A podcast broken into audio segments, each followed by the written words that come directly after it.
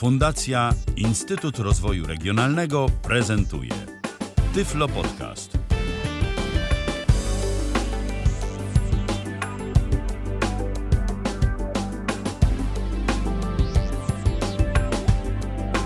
Minęła godzina 20. Dziś w kalendarzu mamy wtorek. To już jest, proszę Państwa, 15 dzień grudnia 2020 roku. Coraz bliżej święta, coraz bliżej święta, ale przed tymi świętami jeszcze ten i następny odcinek Tyflo Przeglądu. Witamy Was bardzo serdecznie. Dziś no, też taki nieco uszczuplony skład, ale za to z dużą ilością interesujących informacji. Mikołaj Hołysz, Paweł Masarczyk, Robert Witajcie. Tomasz Bilecki Witajcie.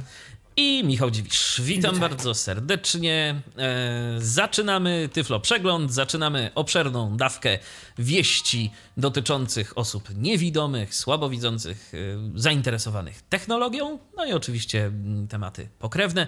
A co to za tematy, o czym dziś będziemy mówili? Robercie, słuchamy. W tym tygodniu w Tyflo Przeglądzie nowy WatchOS z oficjalnym wsparciem dla Braille'a. WordPress 5.6 i co nowego w dostępności. Elten testuje rozmowy głosowe. Niekonwencjonalny sposób wdrożenia dostępności w jednym z wirtualnych instrumentów. Są plany rozwijania dostępności w systemie operacyjnym Fuchsia. Accessible Christmas, aplikacja opisująca dekoracje świetlne w Madrycie. Messenger.com przeszedł redesign. Nie każdy się cieszy. Adobe Reader wprowadza Liquid Mode w aplikacji mobilnej i poprawia dostępność PDF-ów sztuczną inteligencją. Dell Mobile Connect. Kolejny sposób na korzystanie z telefonu przy użyciu komputera PC. Google jest tak pewny swojej technologii syntezy, że chce nią zastąpić lektorów audiobooków. W Warszawie otwiera się największy w Europie Środkowo-Wschodniej sklep Xiaomi. Google chce poprawić dokładność GPS-a w dużych miastach za pomocą mapowania 3D. Powiemy jak działa Allegro Pay? PUE rezygnuje z Flasha, ma zniknąć do końca tego roku. N26 przydatny bank, jeśli potrzebne nam jest konto bankowe w Niemczech.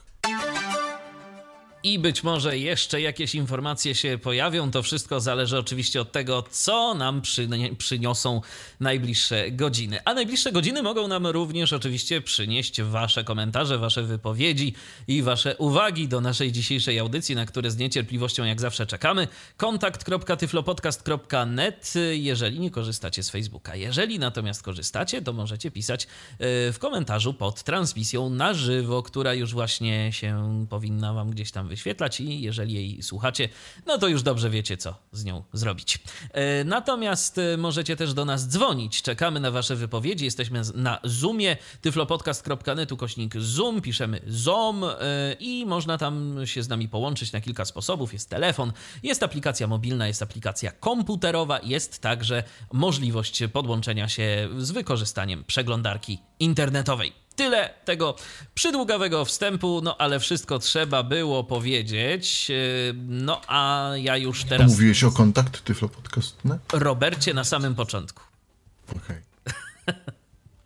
Kolega się tutaj chyba czymś innym zajął. E, Dobrze, e, no to w takim razie tak, e, zaglądam na nasze, mm, na właśnie kontakt tyflopodcast.net, co my tu mamy. E, Napisał do nas Kacper. Witam i serdecznie pozdrawiam Tyflo Przeglądowiczów. Miłego wieczoru. A dziękujemy bardzo serdecznie. Ym, No i jest jeszcze informacja od Mojsiora. Gra Inquisitor Heartbeat jest na zawsze za darmo. Też warto wiedzieć. E, A, jeszcze jedna metoda kontaktu z nami, bo o niej zupełnie zapomniałem, a to jest metoda, myślę, że dosyć istotna. Nasza aplikacja dla systemu Windows, aplikacja do słuchania Tyflo podcastów. Tam również możecie do nas pisać. Ja A, wiedziałem, że mi coś brakuje. a widzisz, no widzisz. Właśnie, my jesteśmy tyflo przeglądowicze czy tyflo przeglądacze? My jesteśmy, nie wiem, No właśnie, bo, no, no to, Tyflo przeglądacze chyba nawet może. no, nigdy Albo tyflo przeglądowcy. E, też może No być. ważniejsze, że nie tyflo przeglądarki. No, no, dokładnie. To Kasia może być tyflo przeglądarką. Pozdrawiamy Kasię. Darku. Tak. Okej. Pozdrawiamy. A teraz już przechodzimy do informacji bieżących. Zaczynamy od nowego Watch OS-a, który się doczeka oficjalnego wsparcia dla Braille'a. Brzmi interesująco, chociaż ja się zastanawiam, jak to będzie działało, ale ja się już nie będę musiał zastanawiać, bo Mikołaj uruchamia swój mikrofon i na pewno nam o tym wszystkim teraz powie. Działało to będzie w sposób bardzo, bardzo prosty, bo nie chodzi tu oczywiście o wpisywanie Braille'a na ekranie, chodzi tu o monitory braille'owskie, które były, które były w becie, które potem z WatchOS-a zniknęły i do niego teraz wróciły i to już wróciły w wersji stabilnej, więc wróciły raczej na, na stałe. Ludzie gdzieś tam, którzy to testowali, bo ja sam no Apple Watcha nie mam, więc nie przetestowałem, ale ludzie, którzy testowali mówili, że działa, mówili, że fajne. Yy, a tak, że tak powiem, jeszcze wieści oku Apple'owych, skoro już jesteśmy przy tym temacie. Yy, co jest ciekawe, że ostatnio zaczęły się ukazywać aktualizacje do starszych wersji iOS-a.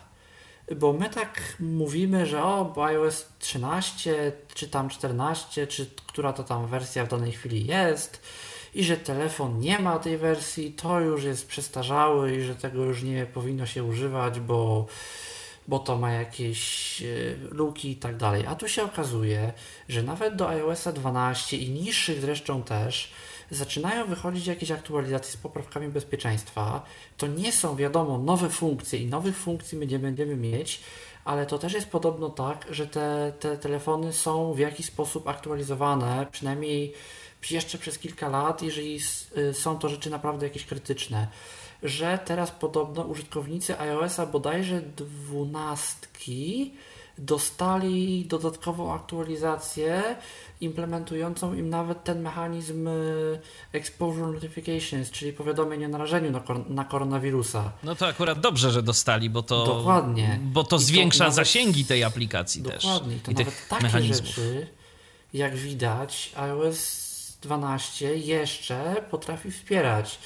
Więc to jest jak dla mnie kolejny argument za mimo wszystko y, iOS-em, że nawet jeżeli nasz telefon traci oficjalne wsparcie i już nie dostaje oficjalnych, najnowszych wersji systemu iOS, y, to jeszcze jest po prostu szansa, że przez ileś no, lat, jeżeli naprawdę coś krytycznego będzie i jakaś wielka luka, względnie taka funkcja, no właśnie typu powiadomienia o narażeniu, to fakt w terminie późniejszym, bo w terminie późniejszym, ale się pojawia. A ja powiem szczerze, że ostatnio nawet miałem okazję zajrzeć do mojego poprzedniego telefonu, do iPhone'a 6s, bo oddałem go rodzicom, wymienili tam sobie baterię i są jego szczęśliwymi użytkownikami dalej.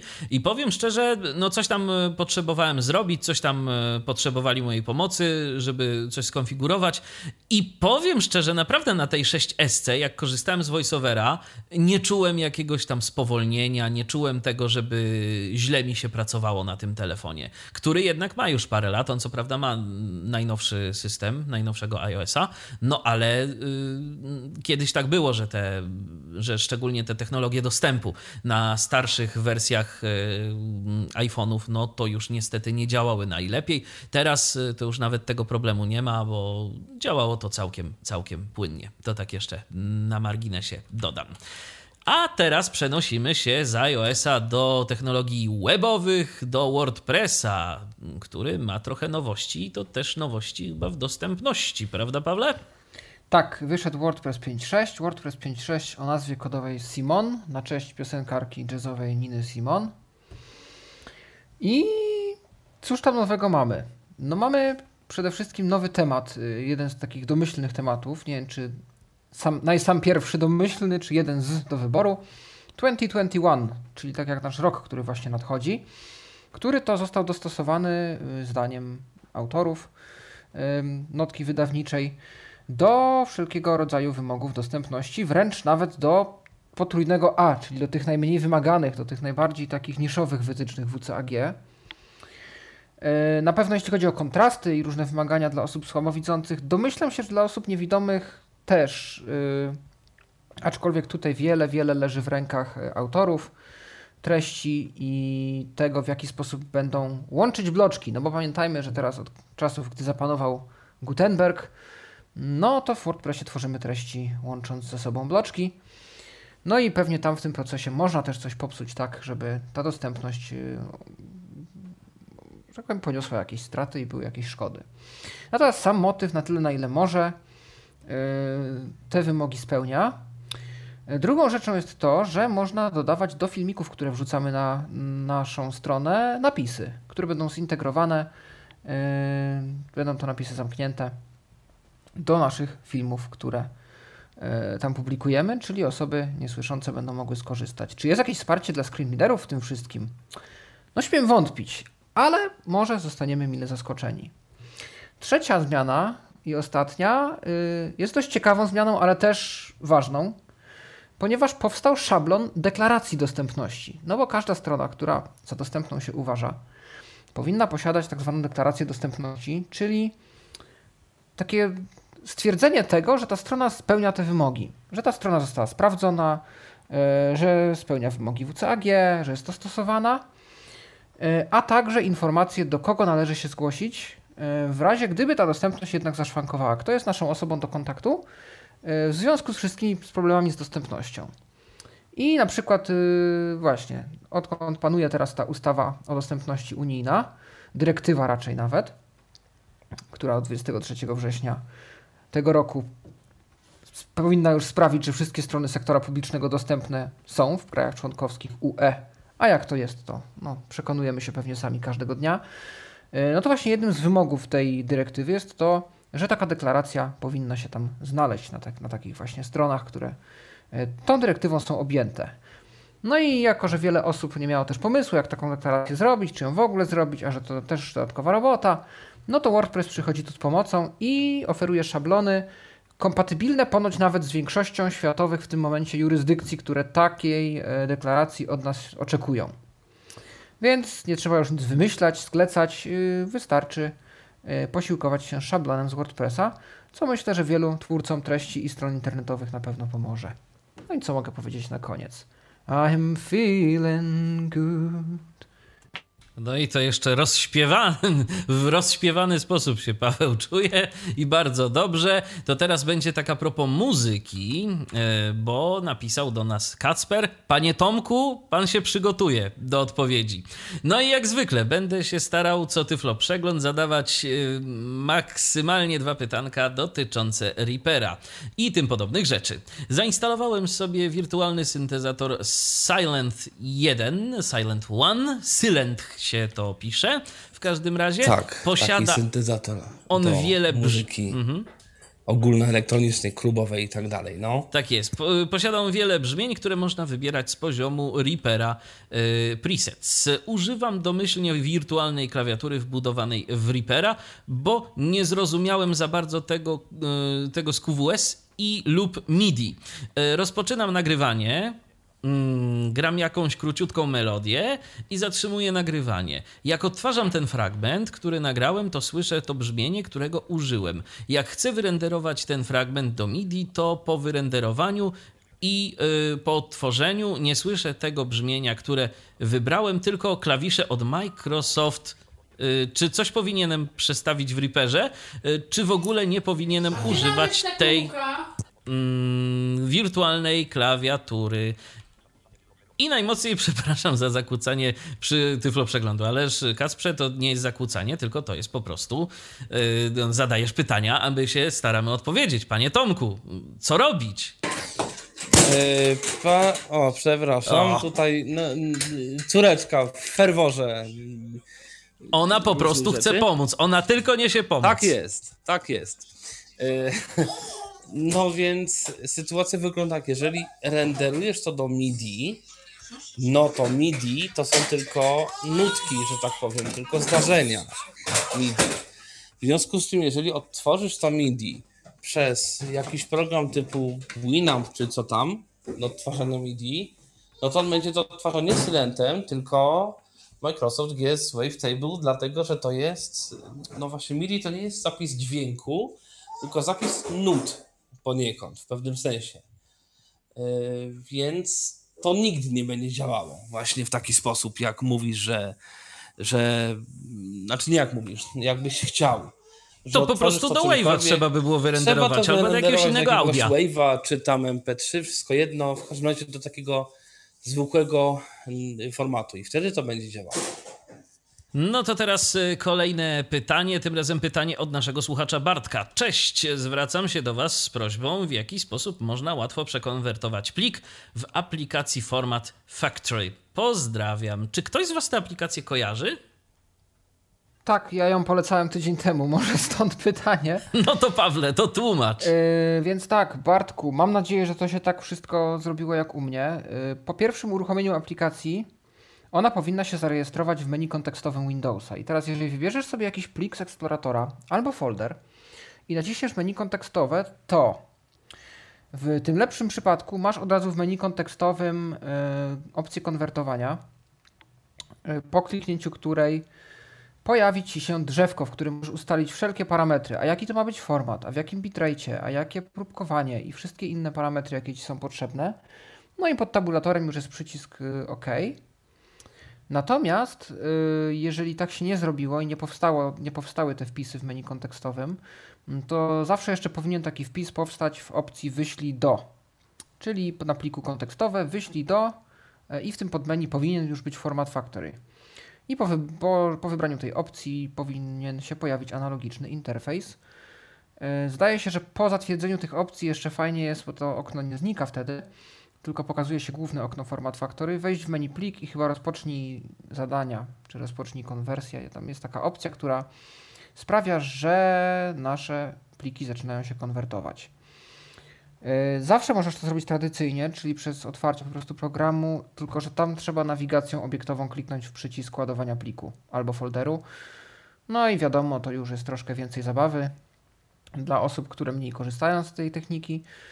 Dlatego zawsze zalecam z początku przez eksplorator plików do tego podejść. Mam nadzieję, że się uda. Powodzenia. Gdyby coś nie szło, to się jeszcze odzywaj.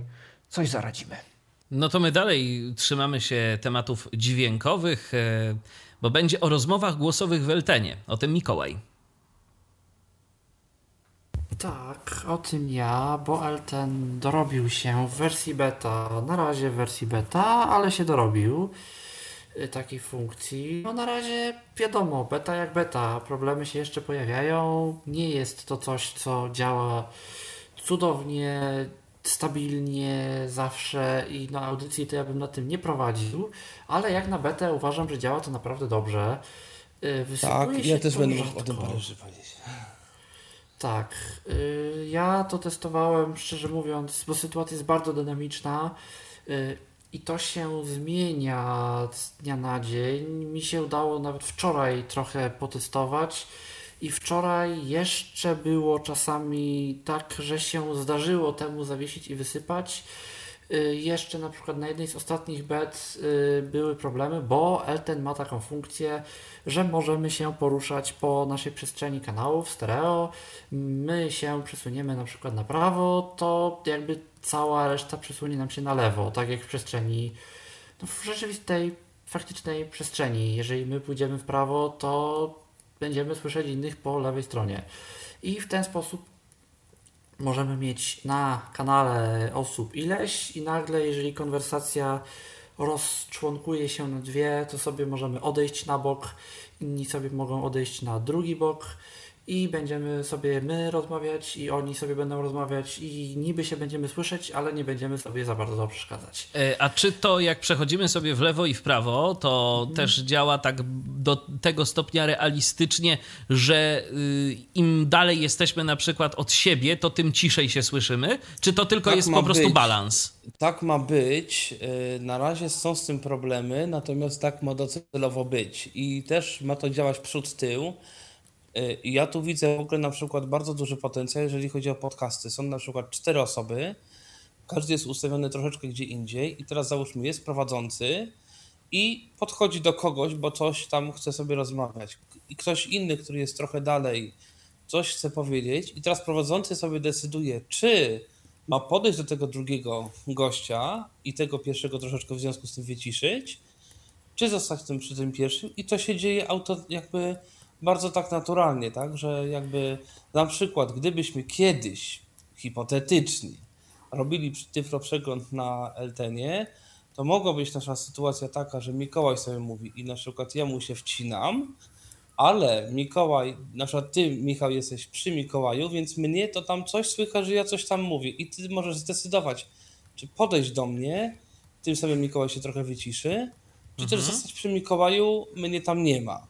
Mało tego, mm, mo można będzie na przykład, wiem, że tam takie są plany, umieszczać źródła dźwięków różnych. To może być muzyka, to może być coś tam jeszcze.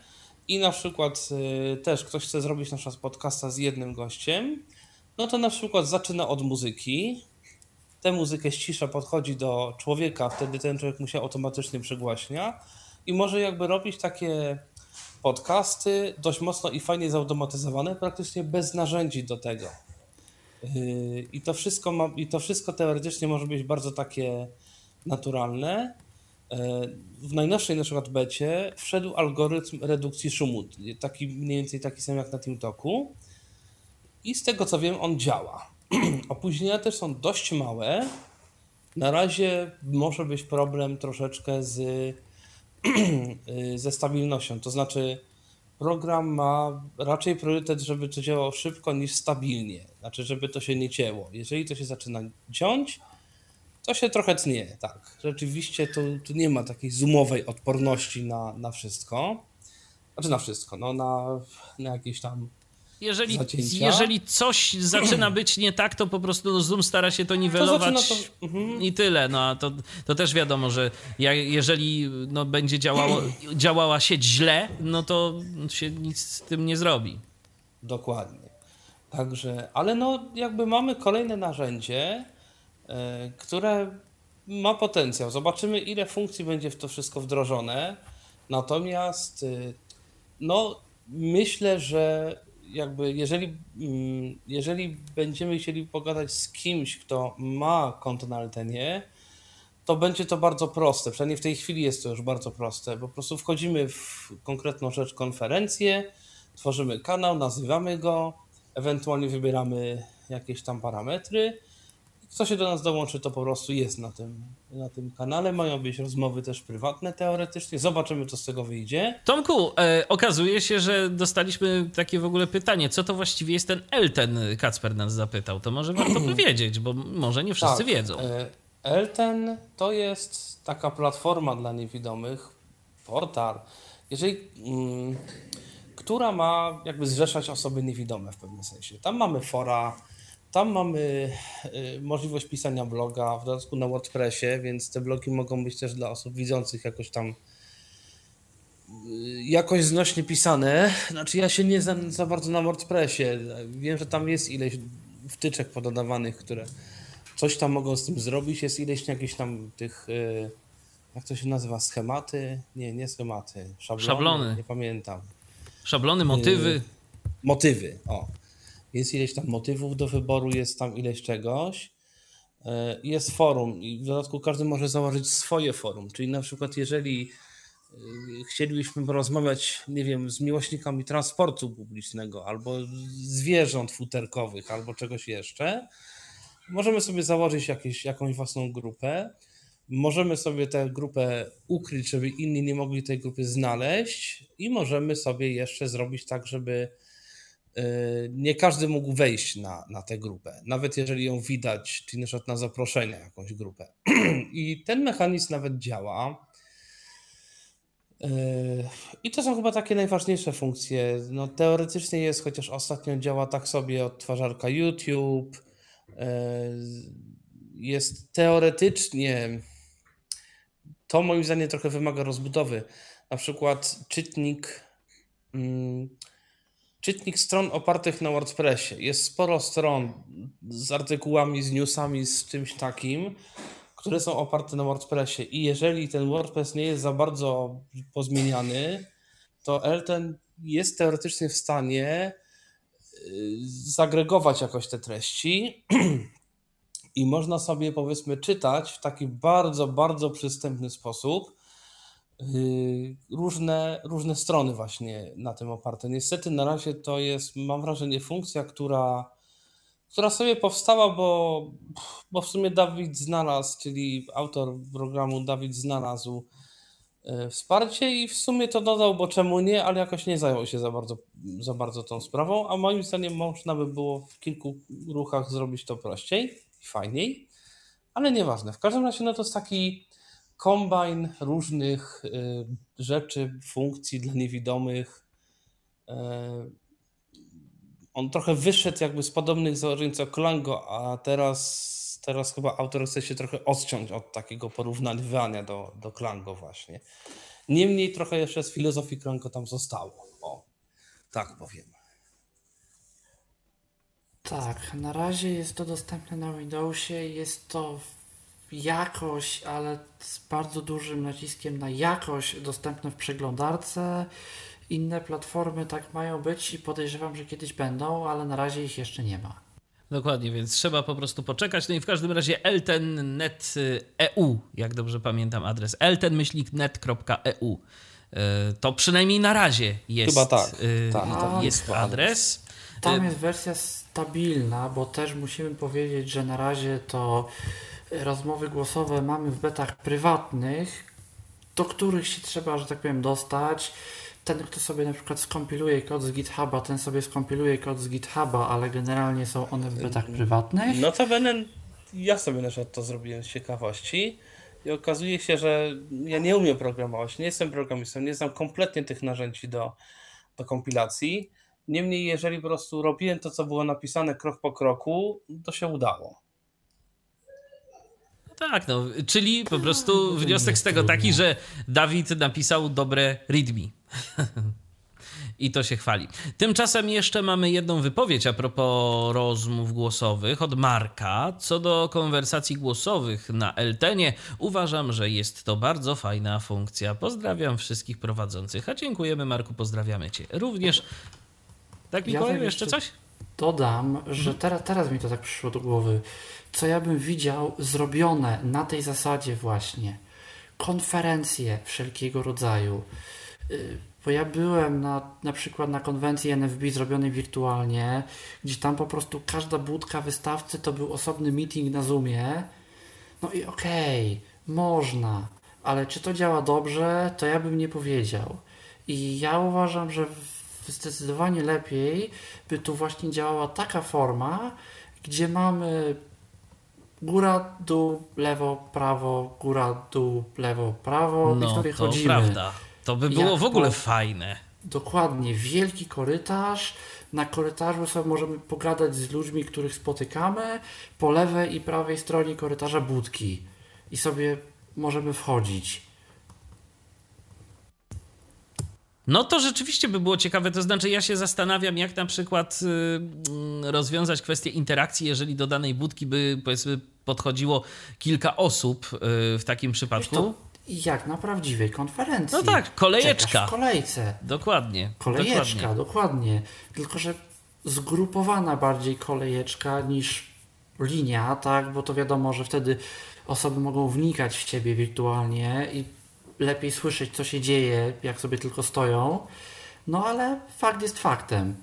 No, to rzeczywiście mogłoby być interesujące. Kto wie, kto wie, jak się Elten rozwinie, to może i na nim uświadczymy kiedyś jakieś takie wirtualne Mówią. konferencje. Czemu by w nie? ogóle, jak już jesteśmy w temacie, bo to taki jakiś lekki gdzieś tam news, który mi się przewinął.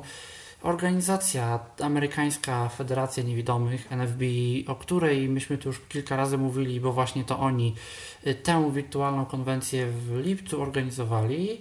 Teraz boryka się z tym, z czym borykało się Hollywood i wiele innych amerykańskich grup społecznych i organizacji, czyli z jakimiś kwestiami nadużyć seksualnych.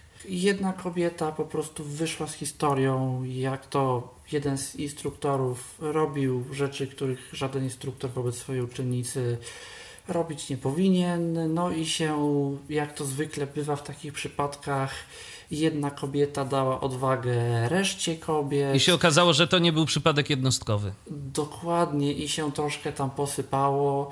Y, Już takie gdzieś tam do mnie sygnały dochodzą, bo się próbowałem czegoś więcej dowiedzieć, bo to wiadomo, na razie to są po prostu.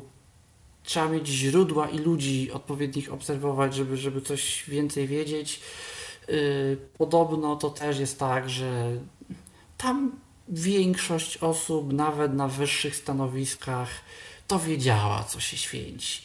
I teraz po prostu próbuje się podobno tam co niektórych rozliczyć. Więc jak widać i wśród niewidomych, bo to są bardzo przypadki, bardzo często przypadki osoba niewidoma osobie niewidomej, to jak widać i wśród niewidomych zdarzają się takie sytuacje związane z gwałtami i podobnymi przypadkami. No to jest oczywiście przykre i mm, myślę, że to nie będę odosobniony w tej opinii, natomiast no, z drugiej strony, dlaczego wśród niewidomych y, miałoby być inaczej? To zawsze jest tak, no, że jesteśmy takimi samymi osobami jak pozostali y, członkowie społeczeństwa, tyle tylko, że nie widzimy i tak samo wśród nas znajdują się osoby i dobre, i złe, i takie, które mają też jakieś nieczyste zamiary, to absolutnie no nie jesteśmy, nie mamy żadnego mandatu na to, żeby być kimś lepszym. E, a tymczasem e, zaglądamy do wypowiedzi naszych słuchaczy. Marek jeszcze napisał, że ostatnio pojawił się problem ze stroną Grzegorza Złotowicza, gdzie można było sprawdzić emisję programów z audiodeskrypcją. Kiedy wchodzę w przycisk pobierz listę programów z audiodeskrypcją, to po jakimś czasie zamiast listy programów z audiodeskrypcją wyświetla się komunikat, że wyświetlono 0 z 0 programów z audiodeskrypcją. Czy u Was też jest tak samo? Y, czy są jakieś alternatywne źródła do sprawdzania emisji programów z audiodeskrypcją. Ta strona Grzegorza Złotowicza była bardzo fajna i szkoda, że już nie działa, przynajmniej u mnie. Robercie, ty wiem, że bardzo wnikliwie śledzisz y, programy z audiodeskrypcją. Może coś więcej na ten temat? Zauważyłeś te problemy? O, gdzieś tam Robert chyba uciekł. No dobrze, y, to może jeszcze wrócimy do tego za chwilę. Mm, teraz będzie o niekonwencjonalnym sposobie na wdrożenie dostępności w jednym z instrumentów wirtualnych i o tym Tomek. Nie pamiętam. Tomku, już jest, e, jesteś odciszony. Już jestem, tak? Już jest. Dobrze. Okej. Okay. Tak, bo rzeczywiście jest.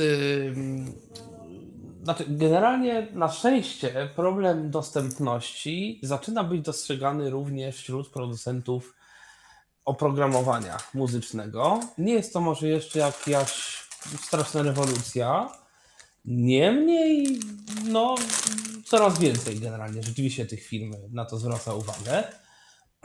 I teraz właśnie jedna z firm, teraz akurat nie pamiętam jak się ta firma nazywała, wolałbym nie mówić, żeby nie, nie wprowadzać błąd, w każdym razie wpadła na dość ciekawy pomysł na dostępność swoich produktów. To znaczy, to są instrumenty wirtualne do tak zwanego e, samplera Contact. Mm.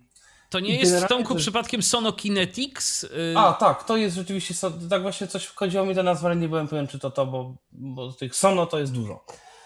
I, e, i teraz y, generalnie te instrumenty do kontakta są z założenia niedostępne i takie najprawdopodobniej pozostaną pod takim klasycznym względem. Znaczy, nie da się zrobić tak, żeby ten interfejs był dostępny. To znaczy, nie da się zrobić z perspektywy producentów konkretnych instrumentów wirtualnych. Dlatego, że oni jakby nie mają do tego dostępu, żeby, żeby ten interfejs zrobić na innych kontrolkach niż te, które są podane y, w kontakcie, one są niedostępne. Natomiast okazuje się, że można zrobić taki, co się nazywa self-voicing, czyli taki sam, taki udźwiękowiony nie głosem syntetycznym, tylko przy pomocy nagrań, lektora. I jeżeli mamy to włączone, a to się da włączyć, ponieważ ten produkt jest mm, kompatybilny z tym NKS, czyli dla użytkowników Complete, to jest generalnie informacja tak naprawdę, to powinien od tego zacząć Mm. I te produkt, i te, ten instrument konkretny mm, ma coś takiego, że jeżeli kręcę sobie pokrętłem, to mówiona jest wartość parametru, który zmienia. Mówiona jest przez lektora, bo to się rzeczywiście da zrobić w przypadku produktów y, z kontaktem. A zrobione jest to dlatego, że generalnie to mm, jeżeli dotykam pokrętła jakiegoś tam, to mm, syntezator mówi, jaki to jest parametr, że to jest na przykład czas pogłosu. Ale jaki tam jest konkretny czas pogłosu w tej chwili ustawiony, to ja się nie jestem w stanie tego tak prosto dowiedzieć. I dlatego ta firma zrobiła właśnie taki system, który jakby uzupełnia te, te informacje z, z Complete właśnie o takie informacje mówione przez, przez lektora. Oczywiście one są wpuszczane w ten sam kanał dźwiękowy, w który jest wpuszczana muzyka, więc da się to wyłączyć. Ponieważ jeżeli bym chciał sobie na przykład któryś z tych parametrów, jak to się mówi, zautomatyzować, czyli zrobić coś takiego, że w trakcie utworu jakiś parametr mi się płynnie zmienia, no to niekoniecznie chciałbym, żeby cały świat się dowiedział, że teraz czas pogłosu wynosi 2,7 sekundy, teraz 2,9 sekundy, teraz 3,4 sekundy, albo jakieś ustawienie filtra to wynosi tyle, a teraz tyle, a teraz tyle. I żeby. I trochę niefajnie byłoby to słyszeć w trakcie utworu, który jest na płycie. Yy, dlatego można to włączyć, można to wyłączyć. No i widzący użytkownicy raczej nie byliby z tego powodu zadowoleni, że to co chwila mówi. W każdym razie no jest to jakiś sposób e, i no po prostu to jest kolejna firma, która dostrzegła problem osób niewidomych. E, firma dość znana jakby w środowisku. Może to nie jest jakby marka rozpoznawana przez absolutnie wszystkich, ale to też jest z drugiej strony marka, która, którą, której nie zna nikt. To jest taka, no, no sporo osób jakby gdzieś tam tę markę kojarzy, które oczywiście zajmują się E, tworzeniem muzyki. Gdzieś tam mogli na to, na, na produkty albo na przykład na tę nazwę gdzieś tam trafić. To taka ciekawostka troszkę. No ale ciekawostka bardzo interesująca i to jest kolejne narzędzie, y, z którego mogą skorzystać y, niewidomi muzycy, którzy po prostu chcą coś nowego tworzyć i zawsze kolejne y, narzędzie, które można w swoim portfolio wykorzystać. I to cieszy, że jest wybór i oby tego wyboru było jak najwięcej. A teraz y, kolejna kwestia, tym razem system Fuchsia mm, i plany rozwijania dostępności w tym systemie. O tym więcej wie Paweł. Tak, Fuchsia jest to taki system Google, który no, ciężko powiedzieć, do czego on jest używany albo do czego będzie używany, bo to jest system, o którym dużo się gdzieś mówi, czyta się o nim w wiadomościach. E, na samej stronie projektu jest napisane, że jest to system dla drobnych czy tam przenośnych urządzeń, który ma zapewnić bezpieczeństwo, ergonomię używania itd. Tak no i teraz pod tym można rozumieć absolutnie wszystko. E, są gdzieś jakieś pogłoski, że to może kiedyś zastąpić Androida, że Google zamiast naprawiać cały czas Androida i gdzieś tam z różnymi jego bolączkami zmagać się poprzez patchowanie i rozwijanie tego samego projektu, chciałby po prostu zacząć od nowa, z kompletnie nowym systemem. E, inna wersja jest taka, i to chyba pamiętam, że była wersja bardziej oficjalna, bardziej taka mm, podawana, kiedy system ujrzał światło dzienne. E, to taka, że to będzie system Google do różnego rodzaju mm, urządzeń mieszczących się w kategorii Internet Rzeczy. Czyli nie smartfony, nie przystawki do telewizora, ale różnego rodzaju automatyka domowa, urządzenia inteligentnego domu, i te wszystkie urządzenia, które nie pasują gdzie indziej, czyli jakieś inteligentne, no nie wiem, zestawy hi-fi, paletki tenisowe, jakieś tam urządzenia kuchenne i tak dalej.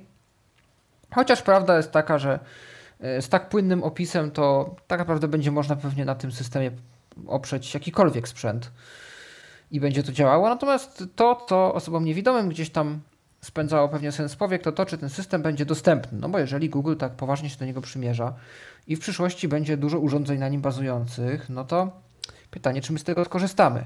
No okazuje się, że plany są. Yy, ostatnio została wypuszczona, został wypuszczony plan yy, tego, co się ma dziać w najbliższym czasie z systemem. Różne rzeczy tam wyszczególniono, natomiast jest też yy, sekcja, która mm, bezpośrednio mówi o dostępności. No oczywiście z ich strony jest to dużo marketingu, dużo takiego, że dbają, że oni chcą, że jest zaplanowane wprowadzenie specjalnych usług dostępności i tak dalej. Natomiast y, to napisał o tym autor artykułu w portalu rosyjskim Tiflo.comp, y, które swoją drogą jest całkiem dobrym źródłem inspiracji, często dla, dla mnie przynajmniej, jeśli chodzi o Tiflo Przegląd. Y, dostrzegł on, że już tak naprawdę Fuchsia, jakby się przyjrzeć tam temu, co w tym systemie już siedzi, ma zaimplementowane usługi dostępności jako takie, to znaczy sam, same podwaliny tego, żeby takie usługi mogły tam być uruchamiane E, obsługę gestów dostępności, czyli to, co mamy w Androidzie, jeśli chodzi o TalkBacka na przykład, i syntezę mowy Google. No więc ewidentnie tam coś się dzieje w tą stronę, żeby y, czytnik ekranu taki pełnoprawny, czy to będzie TalkBack, czy to będzie się nazywało inaczej i działało też inaczej, to się przekonamy, by się tam pojawił. No i myślę, że dobrze, cokolwiek z tym systemem się nie stanie, ważne, żeby dostępność tam była. To się zgadza. E, miejmy nadzieję, że, że będzie i że to się wszystko będzie rozwijało. E, Robercie, czy ty z nami jesteś? Tak, jestem i słyszałem pytanie. No właśnie. Natomiast z przyczyn ode mnie troszkę niezależnych nie bardzo mogłem podejść. No ale teraz możesz. Mikrofonu, możesz nam ale teraz już powiedzieć. Wiem. Słuchacz się pytał o audiodeskrypcję. Otóż chodzi o to, że winna jest Krajowa Rada Radiofonii i Telewizji i tam nie wyświetlają się dane programowe, które można pobrać. E, I dlaczego wyświetla się zero pozycji? E, ja powiem, i tutaj ci, którzy są zainteresowani tą sprawą, Proszę dzwonić do Krajowej Rady y, Radiofonii i Telewizji. Ja podam infolinię dla abonentów. To jest 522 597 3101. Można tą y, infolinię znaleźć na stronie krrit.gov.pl, na stronie głównej. Dlaczego ja o tym mówię? Ponieważ my dzwonimy, ja i jeszcze Przemek Rogalski, ale oni uważają, że to jest za mało ludzi i że nas można, że tak powiem, Zignorować. Zignorować i że mało ludzi z tego korzysta, więc po co? I dlatego mamy przestój. E, po prostu, a ja też no, nie będę z siebie robił jakiegoś kogoś i nie wiem, zmieniał głosów i tak dalej, bo e, nie wiem, numerów telefonów też nie mam za wiele, mam tylko jeden swój mm, i po prostu y, stąd mój apel y, do słuchaczy Tyflo Przeglądu i przekażcie też innym, bo jeżeli się nie da, to, to po prostu to nam nie ruszy. Bo tu warto wspomnieć o tym i przypomnieć, że program, y, ta strona Grzegorza Złotowicza y, to jest po prostu taka jakby nakładka na y, tak. to, co oferuje nam Krajowa Rada Radiofonii, Radiofonii i Telewizji. telewizji. Mało tego, jak wejdziemy na stronę główną, to mamy link TV udogodnienia i to nas przenosi na stronę program.krrit.gov.pl i tam jak wybierzemy jakikolwiek kanał, na przykład przypuśćmy TVP1 i chcemy, wy, wybierzemy na przykład rano, to mamy komunikat brak danych. W południe brak danych. Y, w ogóle nam nie wyświetla żadnego programu na tej stronie. Nie mamy w ogóle, yy, po prostu jest, jest jakby strona, a nie ma w ogóle danych do, które mają się tam wyświetlać.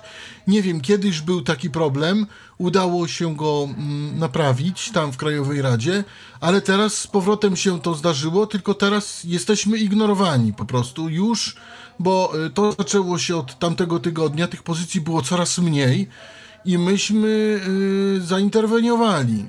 Pierwszy raz, potem y, zainterweniowaliśmy drugi raz, no ale cały czas jesteśmy zbywani i Stąd mój apel. E, dzwońcie Państwo pod numer e, właśnie 22 597 3101. Ten numer jest czynny do 15. E, każdego dnia, od poniedziałku do piątku, od 9 bodajże. I, i, i nie wiem, i, i, i pytajcie, dopytujcie się i y, monitujcie bo oni myślą, że nikt z tego nie korzysta i że to jest w ogóle do nikomu, y, nikomu do niczego niepotrzebne. Y, bo prawdopodobnie oni patrzą na mm, wejścia na stronę, a nie na zapytania z API. Bo y, strona Grzegorza pyta po prostu API serwera. I, i dlatego jest to ładnie tak wylist, było to tak ładnie wylistowane, tak? Natomiast sama ta strona w Krajowej Radzie, ta program.krlit.gov.pl jest, powiem szczerze, bardzo mało przyjazna i taka mm, o, dość oporna. Y, Natomiast no, y, było API, można było wymyśleć, Grzegorz wymyślił i, i mnóstwo niewidomych osób z tego korzystało. No tylko, tylko coś to krajowo. Tylko jak nie ma czym te, tych, tej strony Grzegorza nakarmić, no to samo się nic nie zrobi, więc tu po prostu... Dokładnie, więc y, to jest spowodowane właśnie przez nich. Coś, nie, wiem- nie wiem, może ktoś im nie dostarcza programu, może ktoś im, nie wiem, pojęcia nie mam.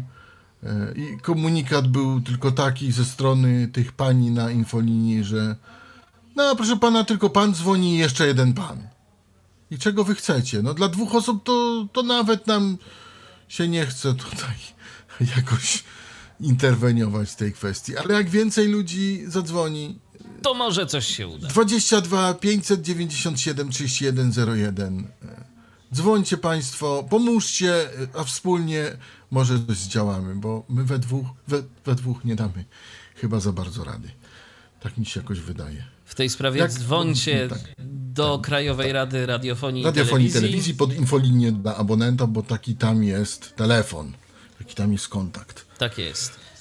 A, do, a, w innych sprawach, a w innych sprawach dzwońcie do nas y, na Zoomie, tyflopodcast.net ukośnik Zoom, piszcie na Facebooku, piszcie na kontakt.tyflopodcast.net. Zapraszamy serdecznie. No właśnie, a propos tego, co do nas piszecie, to na przykład Grzegorz chciałby wiedzieć, kiedy będzie Elten na Androida. Grzegorzu, my sami tego nie wiemy i mam dziwne wrażenie, że również y, autor Eltena też tego nie wie, bo plany są.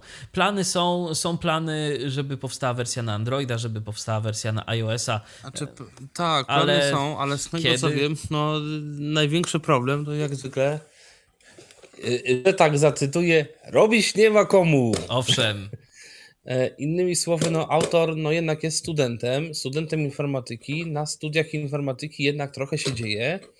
E, Tam chyba jakieś ma jeszcze w ogóle oprócz tego, że tak powiem, jakieś zajęcie.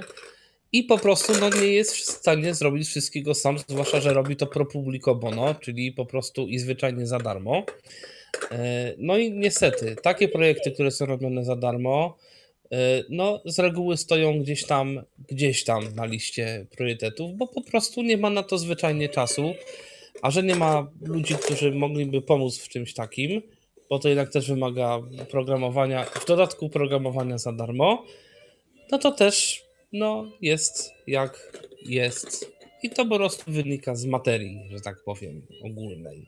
Więc może kiedyś, może kiedyś Grzegorzu doczekasz się, jeżeli masz znajomych programistów, którzy chcieliby pomóc, no to może jakoś y, wspólnymi siłami coś by się udało. Wspominałem, że możecie do nas dzwonić, z tej możliwości skorzystała Paulina. Witaj.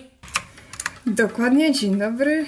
Dzień dobry, E, dzień ja dobry. Z dwoma takimi, bym powiedziała, potężnymi nowościami. No to słuchamy. Tymi, które mi się teraz przypominają, ale może jeszcze coś później wymyślę. No więc tak, pierwsza nowość e, zadowoli użytkowników Telegrama, ponieważ znalazłam bota, który oferuje dwustronną komunikację Telegram Mail. Oznacza to mniej więcej tyle, że możemy podpiąć sobie dome- y, adres z domeny etlgr.com, ponieważ to jest strona tego bota, do y, naszego telegrama w celu na przykład y, podpinania do niego list mailingowych, kont, y, jakichś różnych innych rzeczy, komunikacji sprawnej itd. E, tak, y, tutaj y, to się przydaje, ponieważ na przykład możemy wysyłać maile z wiadomościami głosowymi, załącznikami, wideo, zdjęciami itd. I możemy te maile pisać w wielu wiadomościach, czyli załóżmy w momencie, kiedy zaczyna się pisać wiadomość, to wysyłamy ją dopiero wtedy, kiedy e, jest komenda, czyli tych wiadomości może być w, tych w tym mailu dużo. E, Jest obsługa Markdowna, aczkolwiek podobno ona nie działa. Mm, W sumie zapomniałam tego sprawdzić jakoś tak bardziej. A w jaki sposób, Paulino, y, zarządza się adresatem, tematem tej wiadomości i tego typu rzeczami? To są też jakieś komendy do tego? Znaczy procedura jest y, generalnie taka, że w momencie, y, tak jeszcze opowiem jak zaczynamy komunikację z tym botem, dostajemy dziewięciocyfrowy adres domyślny, ale możemy też komendą slash. Ojej, slash new? Nie, nie pamiętam jaka była komenda, ale. Ale była jakaś komenda do y, ustanawiania naszego adresu, takiego przyjaźniejszego. Na przykład ja sobie wzięłam paulinuxmapa.etlgr.com i jeżeli nie chcemy jakiegoś maila, to możemy go komendą slash release y, wypuścić.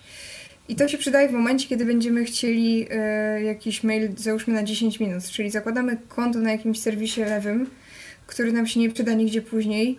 Wiemy, że będzie od niego dużo spamu, więc zakładamy sobie takiego maila, jakiegokolwiek abcdfg y, na 10 minut, potem slash release go wypuszczamy i nas nie interesuje. Co do wysyłania wiadomości, e, komenda slash send rozpoczyna procedurę.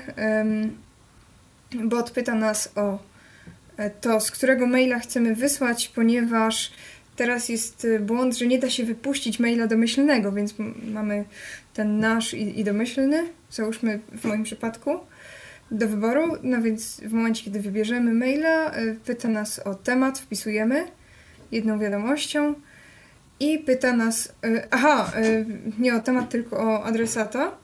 I adresata możemy roz, adresatów możemy rozdzielać przeciwnikiem, czyli możemy wysłać masowo wiadomości.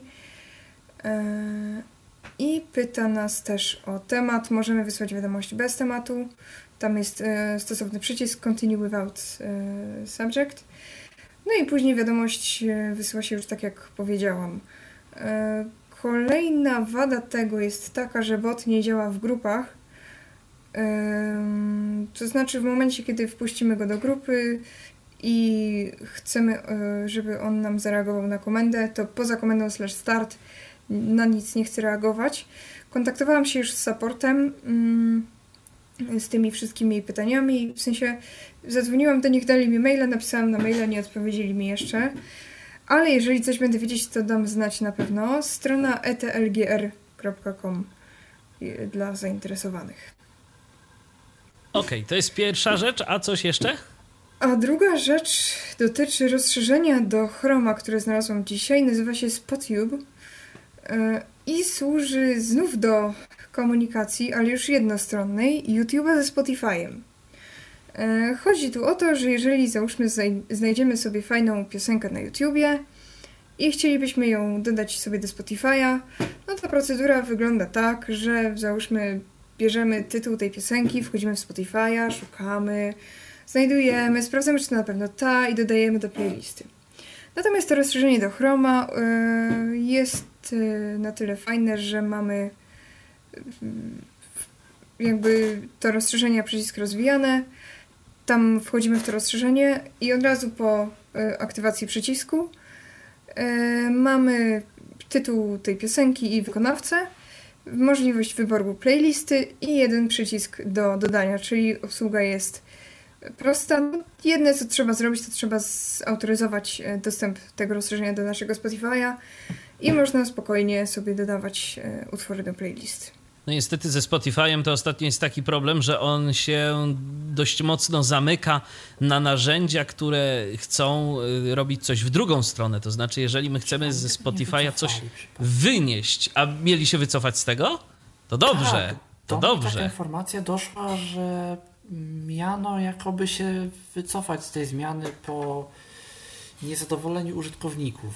To bardzo dobrze, bo były takie plany, na przykład serwis tunemymusic.com yy, ostrzegał, że już za jakiś czas nie będzie można migrować sobie na przykład playlist między Spotify'em, a na przykład, no nie wiem, Deezerem, YouTube'em czy jakimiś tam innymi serwisami, bo są takie narzędzia, yy, że ładujemy sobie playlistę z jednego i eksportujemy do drugiego i po prostu to na zasadzie wyszukiwania piosenek nam to później się dopasowuje. No i podejrzewam, że właśnie dlatego ta komunikacja jest jednostronna, bo może jeszcze ten autor na przykład nie wiedział, jak sytuacja wygląda i, i na ten moment zapewnił jedną, jednostronną, ale no cóż, jeżeli coś, no to wiadomo, że można się z nim skontaktować. No jasne. Można też poczekać na jakieś ewentualne nowości. Natomiast rzeczywiście skorzystałam, stestowałam, wszystko wygląda ładnie, szybko i funkcjonalnie. To cóż, na ten moment tyle ode mnie. Mm, Okej. Pozdrawiam i do usłyszenia. Dzięki Paulino, do usłyszenia. Pozdrawiamy Cię również. Jeżeli coś będziesz jeszcze miała dla nas, jakieś ciekawe informacje, no to po prostu się odezwij. A tymczasem, e, dzięki, a tymczasem e, ja mam dla Was taką informację, mm, która myślę, że może być z jednej strony ciekawa, ale z drugiej y, dla nas niestety troszeczkę bezużyteczna, co sprawdziłem przed momentem. Y, jest sobie aplikacja, która się nazywa Accessible Christmas i y, jest to aplikacja y, w założeniu całkiem fajna, bo jest to aplikacja opisująca dekoracje świetlne w Madrycie. To znaczy, no tam właśnie chyba jest dość dużo tych różnych światełek na okoliczność świąt i pomyśleli sobie mm, twórcy tej aplikacji, że fajnie by było osobom niewidomym te dekoracje opisywać. No i wszystko fajnie, wszystko pięknie. Y, Aplikacja jest dostępna z tego, co czytałem, na systemy Android oraz iOS. Y, Działa y, w Madrycie na zasadzie geolokalizacji, to znaczy, kiedy zbliżamy się do danego miejsca, to nas informuje o tym, że jest sobie dana dekoracja, jak ona wygląda, co przedstawia, i można sobie te światełka tam oglądać i słuchać audiodeskrypcji tej instalacji świetlnej. Yy, Wyczytałem też yy, informację, że nawet jeżeli nie jesteśmy w Madrycie, to możemy sobie również po prostu yy, posłuchać mm, tych opisów po prostu, na zasadzie przeglądając listę i korzystając y, z tej aplikacji. Niestety wpisałem y, Accessible Christmas w wyszukiwarkę w App Store'a na kilka różnych sposobów i przynajmniej w Polsce ta aplikacja jest niedostępna. A szkoda, bo może byłoby to coś fajnego i zawsze można by się było z czymś nowym i interesującym zapoznać, ale może jeszcze aplikacja się pojawi, a być może na przykład y, użytkownicy Androida będą mieli więcej szczęścia i będą mogli sobie z niej spróbować skorzystać. Więc jeżeli interesują Was dekoracje świetlne w Madrycie, no to Accessible Christmas możecie sobie na tę apkę gdzieś tam zapolować. A tymczasem z e, światełek przenosimy się do Messengera, który ostatnio lifting przeszedł i tu ponoć może się to nie wszystkim spodobać, ten lifting. O tym więcej Mikołaj. Tak, bo jest nowa strona messenger.com. Znaczy, strona, strona oczywiście istniała, tylko wygląd się jej zmienił. I to również dla nas, dla użytkowników, screenreaderów, no, zauważymy tę zmianę. Bo czasami no, robi się czegoś redesign, ale tak naprawdę zmienia się, nie wiem, paletę kolorystyczną, ikonki i dla widzących to jest ogromna, ogromna nowość a dla nas y, tak naprawdę układ pozostaje taki, jaki był. Tutaj nie, tutaj zmienia się wiele. Ja mam wrażenie, że ta strona to została chyba w ogóle przepisana od zera. Bo co? I, I co się zmienia dla nas? Mamy inną strukturę nagłówków, bo teore- teoretycznie widzimy tych informacji więcej. Bo pod każdą wiadomością mamy informację, przy, przy, właściwie przy każdej wiadomości, kto to wysłał i dokładnie o jakiej dacie, bo to jest nagłówek i pod nagłówkiem mamy treść wiadomości. Mamy pod każdą wiadomością przycisk więcej działań. Jak sobie na ten przycisk naciśniemy, to teoretycznie mamy menu i sobie możemy tam odpowiadać, czego wcześniej nie mogliśmy zrobić. Yy, możemy reagować i tego typu akcje wykonywać.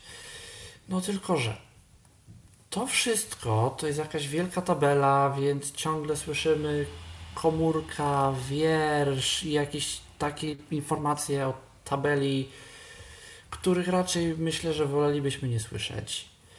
Po drugie, wszystko fajnie, odpowiadanie na wiadomości. Problem w tym, że bardzo ciężko jest to dobrze zrobić, bo bardzo często jest tak, że jeżeli klikniemy na to, ten przycisk zareaguj, to to menu nam się otworzy i zamknie. Więc co my musimy zrobić?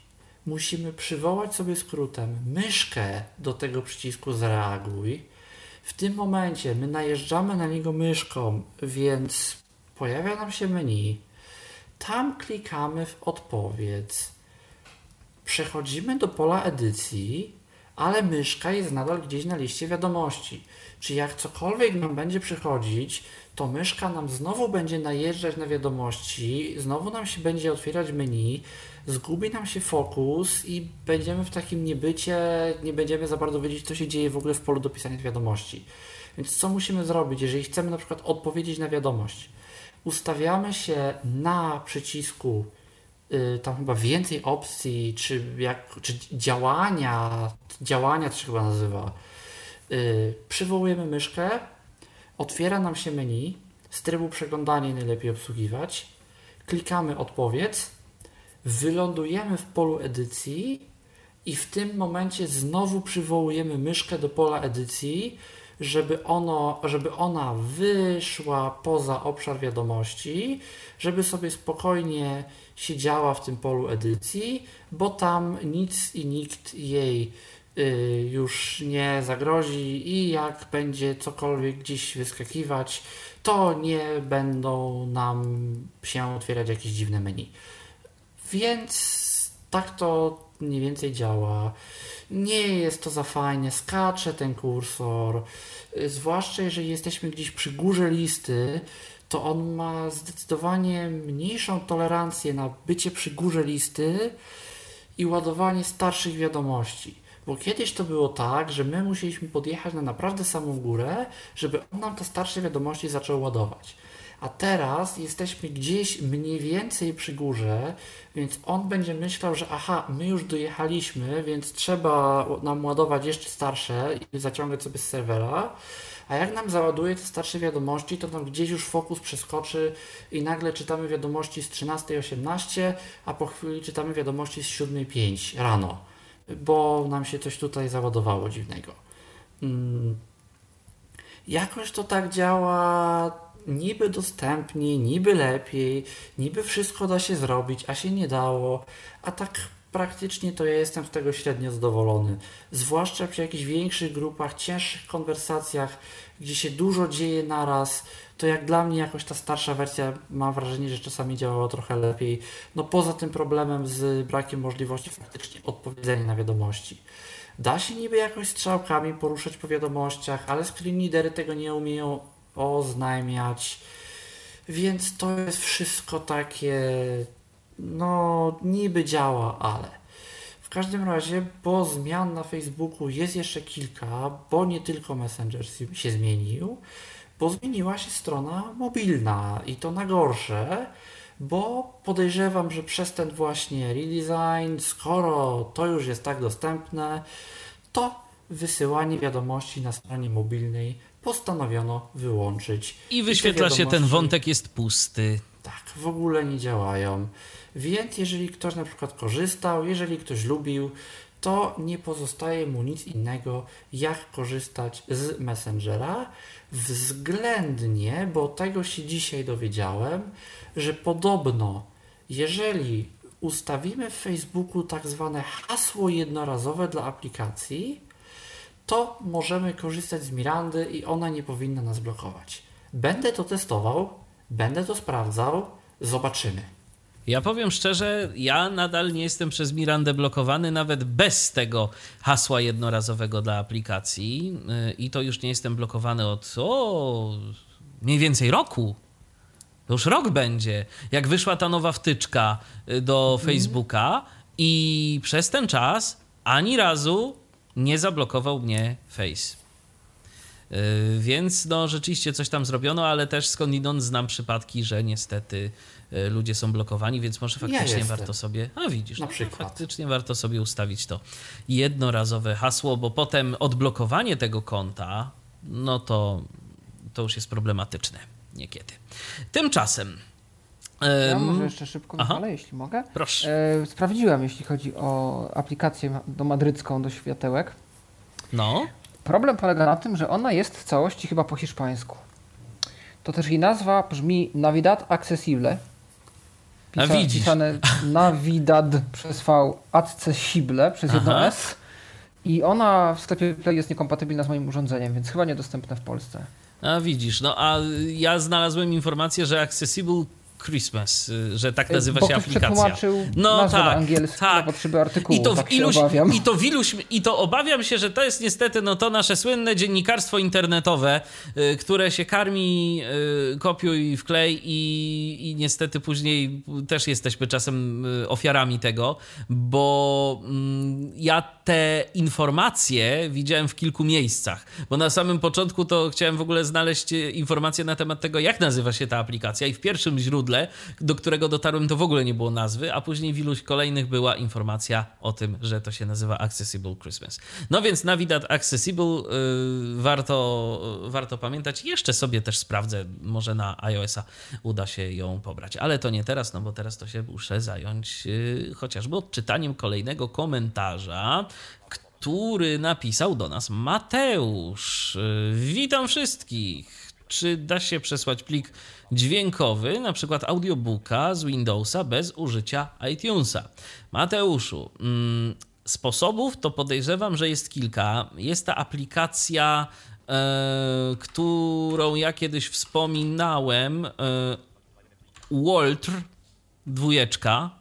Coś tam chyba nawet nowego wychodzi, ale to jest płatne i to rzeczywiście wtedy umieści ci mm, tego audiobooka, czy w ogóle te twoje pliki w odpowiednim katalogu mm, twojego i-urządzenia, czyli tak jakby to zrobił iTunes, ale jeżeli nie jest to dla ciebie coś, co musi koniecznie być, to ja bym to zrobił inaczej, mianowicie użył Fubara, bo Fubarem możesz wrzucać sobie mm, muzykę, możesz wrzucać sobie pliki audio przez FTP.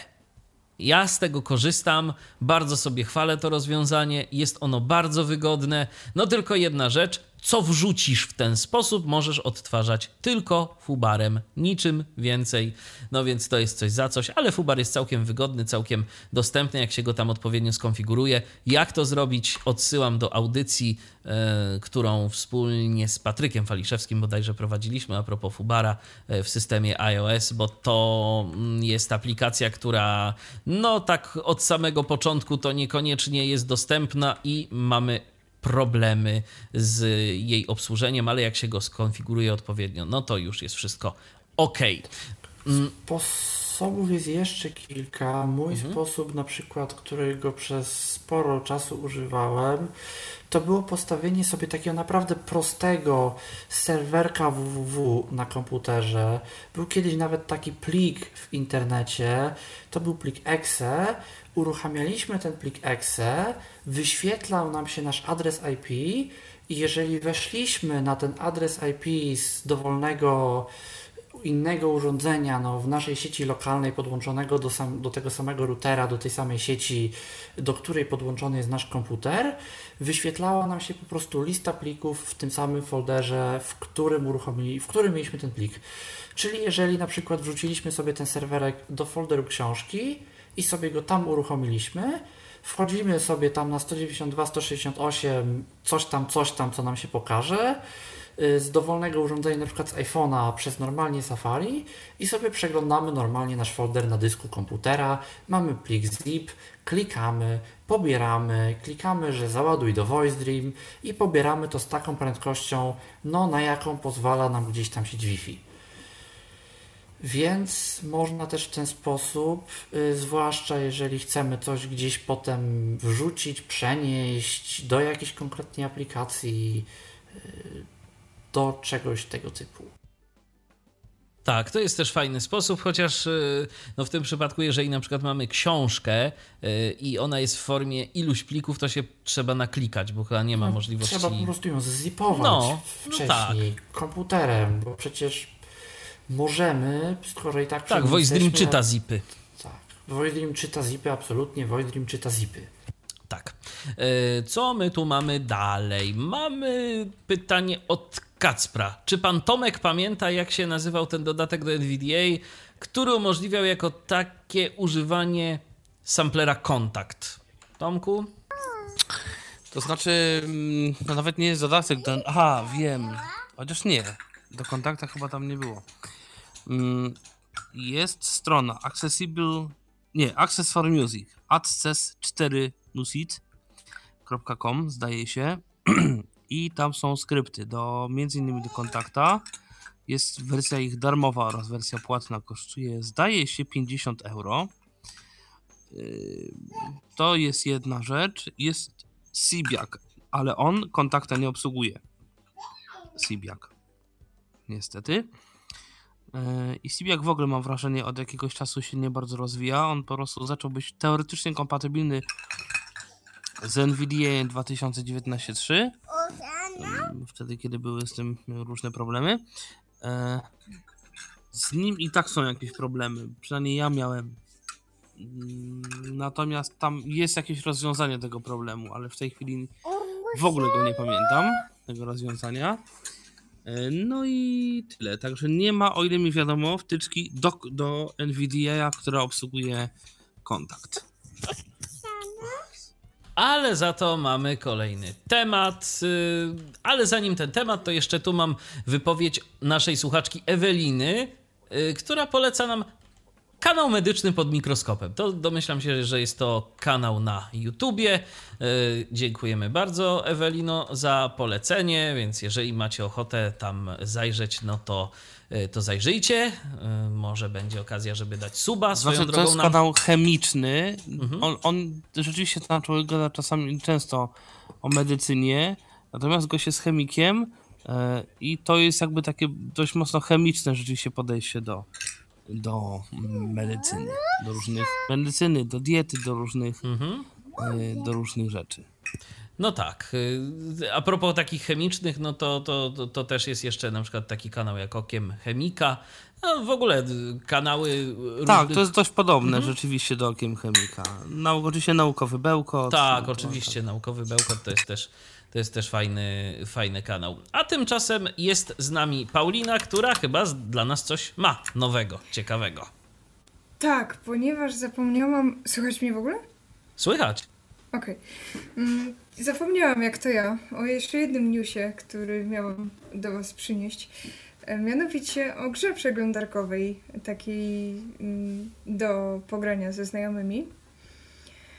Jest to gra e, Freenemies i chodzi w niej o to, żeby złapać oszusta. Mm, Generalnie zasady są takie, że mm, mamy tam graczy, i każdy dostaje pytanie. I e, wszyscy poza jedną osobą dostają takie samo pytanie. Mm, Ta jedna osoba dostaje inne, ale dostaje też odpowiedzi e, osób, które, które odpowiadały. I musi to zrobić tak, żeby jednocześnie odpowiedzieć na swoje pytanie, ale nie dać się przełapać na kłamstwie. E, Gra jest tym fajniejsza, im więcej zbierze się osób. Mm, Co prawda testowałam ją na trzech swoich instancjach, bo na ten moment nie miałam nikogo chętnego, ale jest w miarę dostępnie. No inna sprawa, że trzeba się troszkę tabem mm, nawigować, bo w momencie, kiedy na przykład tworzymy, e, kiedy dołączamy do gry, to nie mamy e, możliwości z podstrzałek nawigacji, bo widzimy to tak, jakbyśmy, jakby nie było pól edycji, ani innych kontrolek, ale pod tabem wszystko jest ok. Z telefonu jest dobrze, przynajmniej z Androida, nie wiem jak z iPhone'a. E, No i takie przykładowe pytanie, które mi się trafiło, to na mm, uczciwej osobie, ile psów przygarnąłeś w ciągu tego roku, a na oszuście, ile razy e, ym, ile razy przytrafił Ci się phishing. E, Dostępnie jest nawet. Dołączanie odbywa się na zasadzie takiej, że najpierw podajemy nick osoby, która stworzyła grę, a później PIN, który wyświetla się osobie tworzącej grę e, na, tym, na tej stronie. I można zacząć od trzech graczy, a maksymalna ilość to 20 osób. No to już jest z kim pograć, byle się tylko znaleźli. Dokładnie. Gra jest po angielsku, oczywiście, zapomniałam dodać. Mhm. Mm, Adres to jest freenemies.com, pchrenemies.com.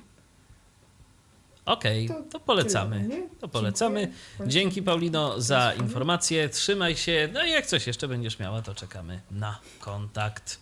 jak ci się coś tam jeszcze przypomni. E, co my tu jeszcze mamy? Tak przeglądam te nasze źródła kontaktu. Na razie nie ma nic. No to dobrze, to możemy przejść do Adobe Readera, który to wprowadza różne nowości. Jakie o tym Paweł? Na oficjalnym blogu Adobe ukazał się właśnie artykuł jakieś kilka dni temu na temat funkcji, która nazywa się bardzo ciekawie, bo Liquid Mode, tryb płynny. Jaki był to tryb w Chromie? Destylowany, tak? Coś tak, tak, pamiętam. Tak. To, to, to, to, samo terytorium mniej więcej, bo Adobe chce stworzyć y, właśnie odpowiednik takiego mm, trybu czytania, powiedzmy, y, tylko dla plików PDF. No i w założeniu to ma pomagać osobom, które korzystają z telefonów, y, smartfonów, tabletów, głównie smartfonów, tam gdzie te ekrany są dużo mniejsze, no żeby ten plik został tak dostosowany, żeby na tym telefonie się go wygodnie czytało. No i między innymi jest dopasowanie do wysokości gdzieś tam ekranu, jakaś próba ułożenia tej zawartości e, w taki sposób, żeby to wyglądało jak prawdziwe tam nagłówki, tabele i tak dalej żeby to się dało przesuwać, żeby to się ładnie renderowało. Między innymi jest też taka opcja dodana jak y, sekcje y, i dokument jest dzielony na pewne sekcje, które można zwijać i rozwijać. Na podstawie czego te sekcje powstają, to nie wiem. Domyślam się, że pewnie nagłówków, ale, ale trzeba by zobaczyć. Co ma też ułatwić osobom y, z różnego rodzaju niepełnosprawnościami intelektualnymi czy powiedzmy poznawczymi E, w łatwiejszym przyswajaniu tekstu. Ale dlaczego o tym mówię? No oczywiście też dlatego, ale przede wszystkim e, dlatego, że ten tryb ma w sobie jeszcze jedną fajną rzecz. A na Adobe poszło, jak wiele innych firm, w sztuczną inteligencję. Mm, I tą sztuczną inteligencją postanowili oni zacząć dostosowywać dokumenty PDF, takie obrazkowe, właśnie dzięki temu trybowi płynnemu, do screen readerów. Czyli jeżeli plik jest nieotagowany, albo jeżeli jest chyba, zdaje się, jednym wielkim obrazkiem, to tryb płynny ponoć, jeszcze tego nie miałem okazji przetestować, a funkcja powinna być dostępna już w Adobe Readerze na iOS i Androida, dostosowuje ten dokument, wykrywa w nim właśnie jakąś strukturę, nagłówki, tabele, obrazki e, do screenreaderów, tak by dało się te dokumenty bez problemu czytać. No, Adobe jest z tego bardzo dumne. Oni chcą dużo robić, żeby te dokumenty były dostępne, żeby PDFy były takim fajnym, interaktywnym w ogóle doświadczeniem, jeżeli chodzi o czytanie dokumentów. No, a my sami dobrze wiemy, jak bardzo tego potrzebujemy, bo powielokroć dostajemy różne rzeczy w PDF-ie i nie zawsze jest to przyjemne doświadczenie, jeżeli chodzi o czytanie tego. No, tym większa radość, widząc, że samo Adobe e, postanowiło zainwestować w taką technologię, by te dokumenty bardziej dostępnymi się stały. Gdyby ktoś miał jakieś doświadczenia z tą funkcją, to dawajcie znać. Ja sobie też za jakiś czas pewnie ją sprawdzę, czy już ją mam, czy dostępna w Polsce i w języku polskim. Nie wiem, czy, nie wiem, czy powinien być z tym jakiś problem. I ja to w e, ogóle no. pamiętam, że swego czasu już Adobe coś eksperymentowało z OCR-em i kiedyś tam kiedyś w którejś wersji Adobe Readera już można było, to się samo jakoś nawet działo. Nie wiem, czy to dalej jest, czy to, czy to tylko tak przez chwilę było, ale y, były OCR-owane pliki PDF więc no OCR może... to super tak. sprawa, ale przy okazji jeszcze ten... Ale struktura też, struktura, tak, dokładnie. Tak. Bo to niestety często jest tak, że dostajemy jakiś dokument, w którym o strukturze to można zapomnieć, a nie ma nic gorszego jak y, tabelka bez y, oznaczenia, że jest tabelą. Tak, i bardzo często się tak zdarza nawet, że jak ktoś zrobił sobie tabelę w Excelu, to, to jest najlepsze, po prostu to jest motyw, który mnie tak rozwala. Jest tabelka zrobiona w Excelu. W Excelu ona wygląda bardzo ładnie, mhm. po czym ktoś prosto z Excela ją wyeksportuje do PDF, do, do PDF-a. I nie wiem, co jaki jest trik. Co tam trzeba zrobić, bo coś trzeba. Ale jak się nic nie zrobi, to cała tabelka się pięknie rozjeżdża. I nic już się nie da z niej, znaczy przeczytać się da, ale które kolumny i komórki za jakie dane odpowiadają, o, to już tam konia z rzędem temu, kto to rozezna i jest w stanie się w tym połapać. Tam jest jakiś trik, żeby to działało ale nie jest to ponoć takie oczywiste i widziałem już takich tabelek trochę. Oj tak, rzeczywiście tak jest. Niedawno też dostałem takiego PDF-a, na szczęście potem mogłem dostać to w formacie Excelowym, nie w Excelu to rzeczywiście działało, ale PDF wyglądał nieszczególnie. No, Adobe przyznaje, że nie wszystko jeszcze jest rozpoznawalne w takich automatycznie otagowanych dokumentach. Na przykład formularzami jest problem. Ale nie poddają się, chcą w przyszłości to poprawiać. No i trzymamy kciuki, mamy nadzieję, że im się uda. No pewnie, bo to w końcu z korzyścią dla nas będzie, więc trzymamy jak najbardziej. A teraz będzie o Dell Mobile Connect, aplikacji, o której to swego czasu, już kiedyś, kiedyś temu, mm, miesięcy wiele, był nawet Tyflo Podcast. Jeżeli macie ochotę go posłuchać, to zapraszamy serdecznie. To z Kamilem Łukaszewiczem ten podcast robiłem. Dell Mobile Connect, aplikacja, mm, która nam pomoże w korzystaniu z telefonu. Tak, bo żeśmy się tu kiedyś zastanawiali na Tyflo Przeglądzie, że jest aplikacja Twój telefon Windows 10 i fajnie, że jest, tylko że działa z Androidem. No i dlaczego nie z iPhone'em się zastanawialiśmy, czy może jakieś ograniczenia telefonu, czy może iPhone nie pozwoli. Okazuje się, że iPhone jak najbardziej pozwoli i Dell to udowodnił. Jest sobie aplikacja Dell Mobile Connect, można sobie tę aplikację włączyć, połączyć z iPhone'em przez Bluetooth i mamy w aplikacji tak. Telefon, dzwonienie do kontaktów i do numeru telefonu, który wpisujemy z klawiatury. W HD Voice, żeby nie było, jakość no nie standardowo telefoniczne, tylko trochę wyżej. Yy, mamy odbieranie połączeń, ponoć FaceTime też. Yy, mamy powiadomienia, które niestety są dziwne i czasami się je ciężko czyta, ale jeżeli nie mamy telefonu pod ręką, to można. Mamy wiadomości SMS, które możemy pisać, które możemy odbierać.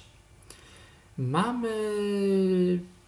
Co jeszcze mamy? Mamy wysyłanie i odbieranie zdjęć i filmów z telefonu. Mamy sterowanie telefonu klawiaturą naszego komputera i jak, jako klawiatura Bluetooth i mamy mirrorowanie ekranu, którego mi się nie udało wywołać jako osoba niewidoma. Bardzo mi się wydaje, że jeżeli miałbym opcję rozpoznawanie obiektów na ekranie, to by mi się udało to wywołać w iPhone'ach bodajże 10S i wyżej. Niestety mam iPhone'a 8, więc tej opcji nie mam. Problem jest przy łączeniu, bo tam musimy spisać z ekranu kod y, niezbędny do sparowania, a to jest kod, którego na VoiceOver nie przeczyta, bo VoiceOver to nam przeczyta tylko pole tekstowe. Co musimy zrobić, nawet mimo starszego iPhone'a? Jeżeli mamy iPhone'a nowszego, to sobie oczywiście możemy poeksperymentować z rozpoznawaniem ekranu.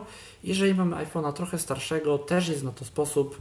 Naciskamy kombinację klawiszy Home i włącznik do tego, aby zrobić zrzut ekranu.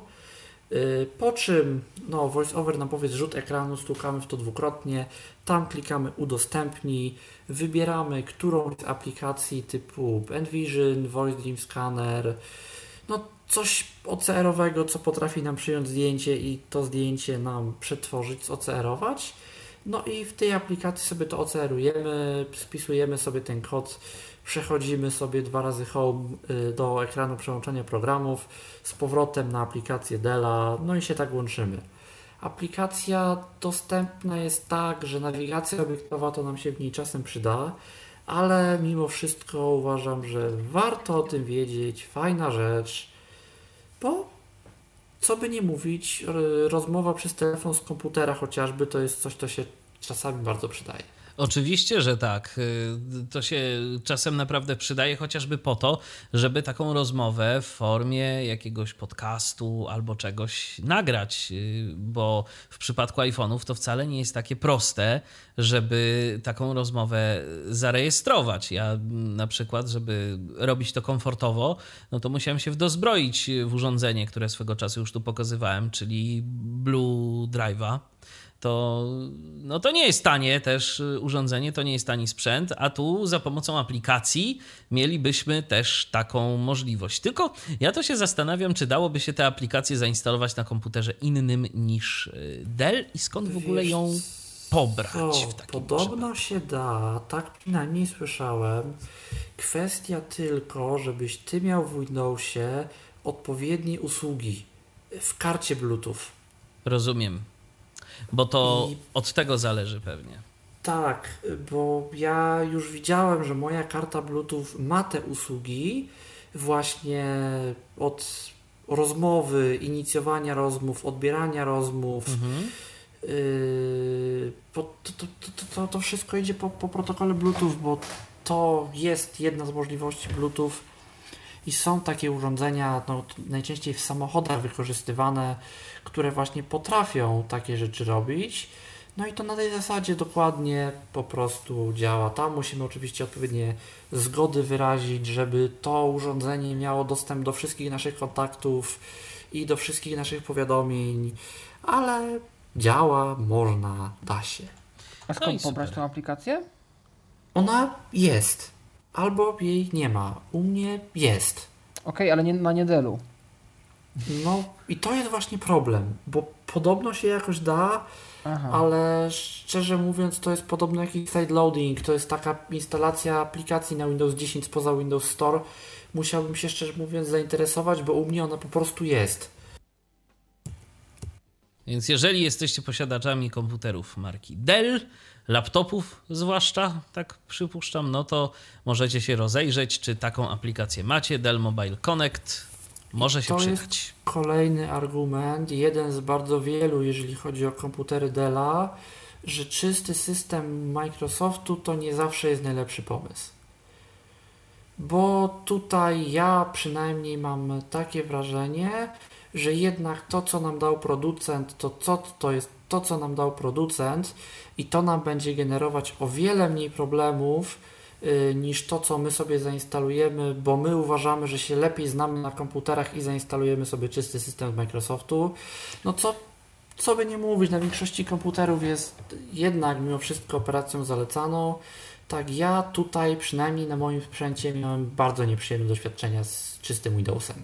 No to prawda, to Mikołaju opowiadałeś swego czasu, że to nic przyjemnego.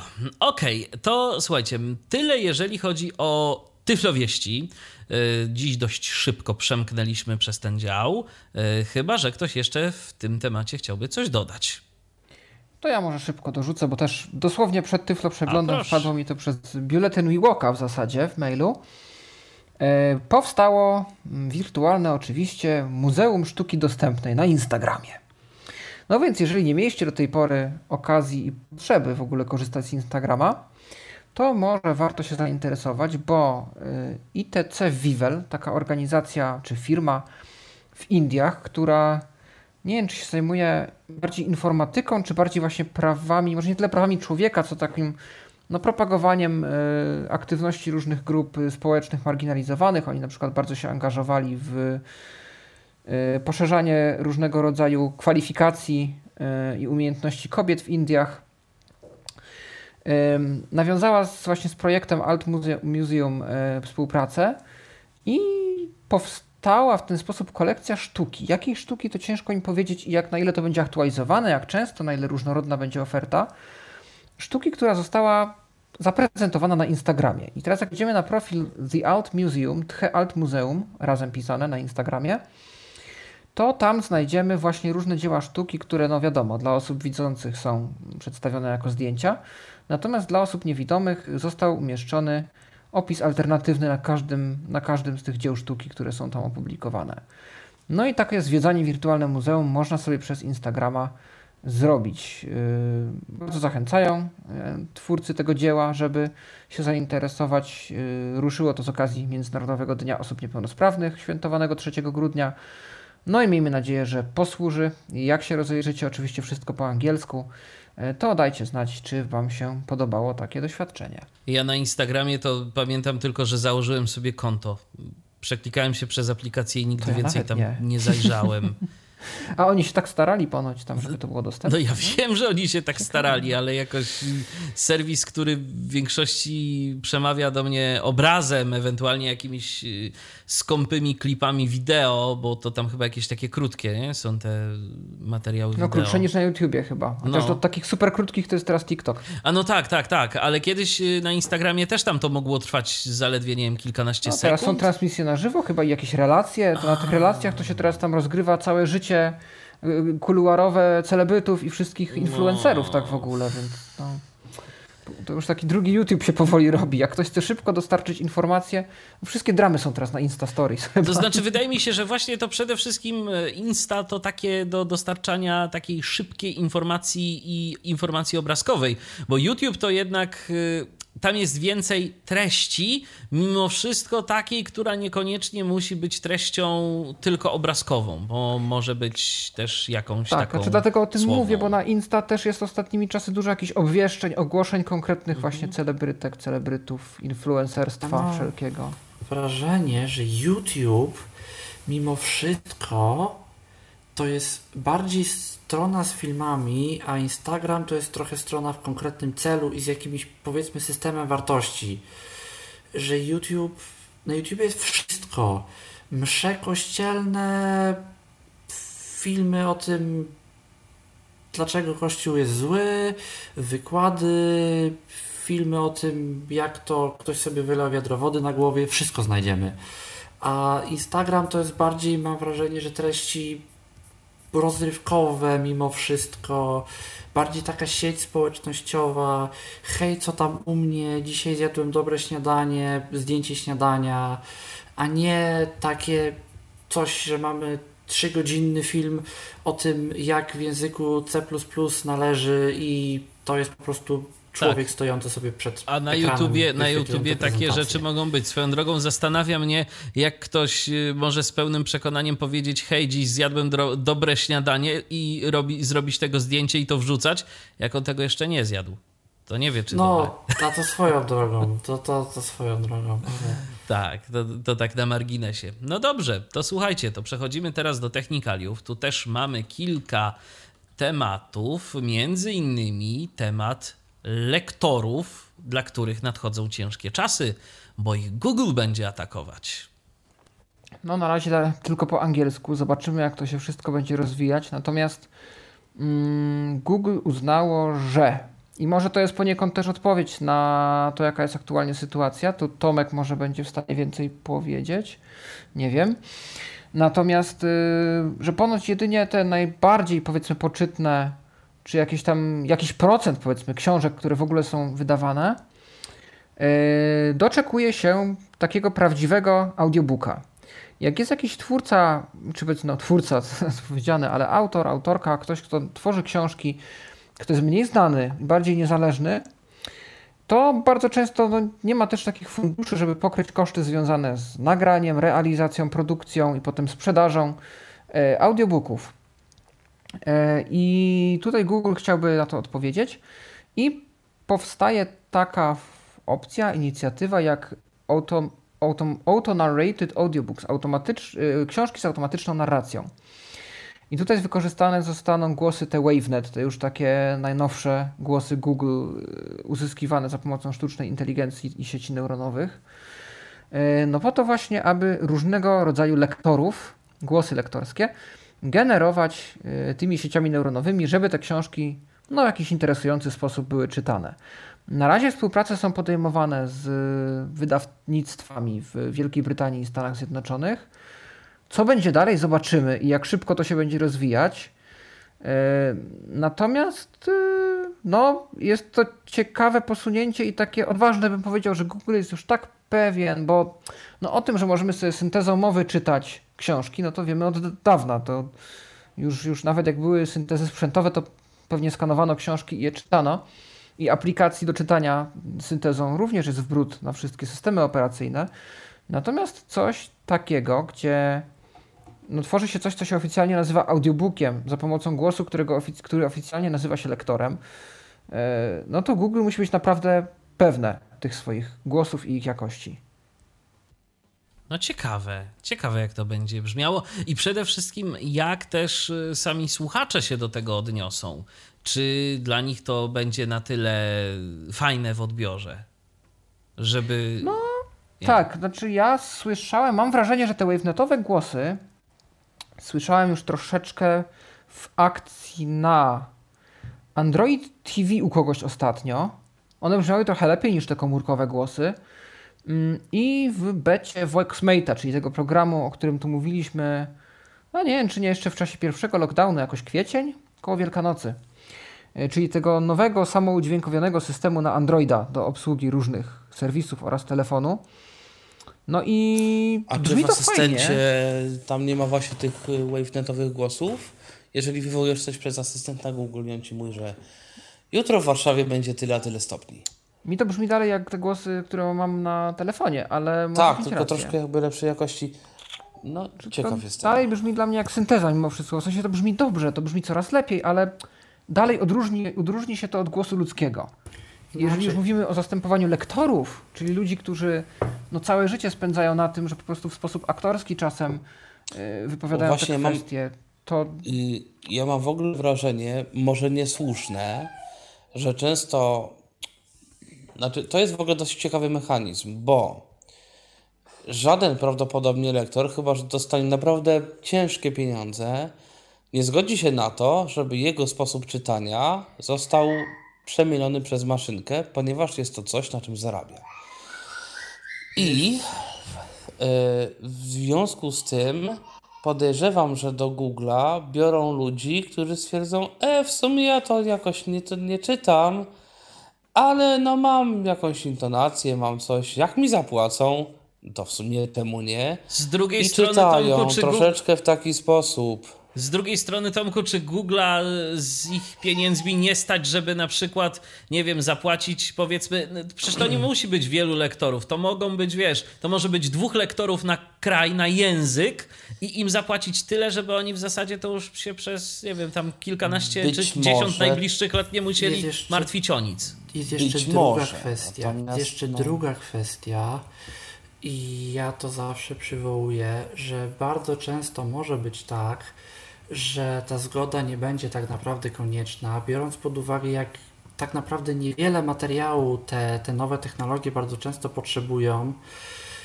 Bardzo możliwe, że jak się przejrzy dorobek tych wielkich lektorów, to znajdzie się, że w 2003 roku dla jakiejś małej fundacji lektor przeczytał bajki i udostępnił je na licencji Creative Commons rób z tym to chcesz. I to wystarczy. Y, Być, być może. No, może, może tak będzie. I, I ja tak naprawdę- jeszcze nieśmiało chciałbym przypomnieć i zauważyć, że e, Google jest właścicielem YouTube'a. A to też prawda. I tu by się bardzo trzeba było wczytać w licencję i w to, co oznacza tak naprawdę publikacja materiału na YouTube. Na YouTubie, tak. Czy Google nie ma prawa do użycia tego w jakiś sposób potem? Bo bardzo A rzeczywiście na YouTube jest masa materiałów w każdym języku. Dokładnie. Z drugiej strony, z drugiej strony podejrzewam, że gdyby e, YouTube zaczął, czy Google zaczął procesować się z lektorami takimi znanymi, to oni by sobie wynajęli jednego, drugiego, piątego prawnika, wynajęli jeszcze media. Oj, Google, jaki ty jesteś zły i zobaczcie, co oni mogą wam zrobić. To jest też prawda, dlatego ja bardziej się skłaniam ku tej opcji, że przyjedzie powiedzmy do jakiegoś kraju y, pan z Google'a z walizką pieniędzy i, i, i zapłaci y, jakimś na przykład dwóm lektorom za wyłączność tego głosu na przykład. Y, I jeszcze jedna Ewentualnie kwestia. jestem ciekaw, czy... Jestem ciekaw, czy nie dałoby się nawet zrobić czegoś takiego, że wziąć lektorów, którzy nie żyją. I robimy, proszę bardzo, książkę panem, który od 10 lat no nie jest w stanie niczego nagrać i nigdy nie będzie już w stanie niczego nagrać, bo po prostu go nie ma wśród żywych. Też To prawda. jedno, rodzinie damy coś i niech sobie weźmie, bo tak to nie dostanie nic, a tak to dostanie coś. Yy, a druga kwestia, to, bo to mówiły, mówiliśmy jeszcze o głosach WaveNet, że one nie są takie doskonałe. Ja podejrzewam, że to, co tu będzie użyte, to mogą być głosy oparte o technologię WaveNet, ale niekoniecznie to, co my teraz znamy jako WaveNet. Yy, o czym ja mówię?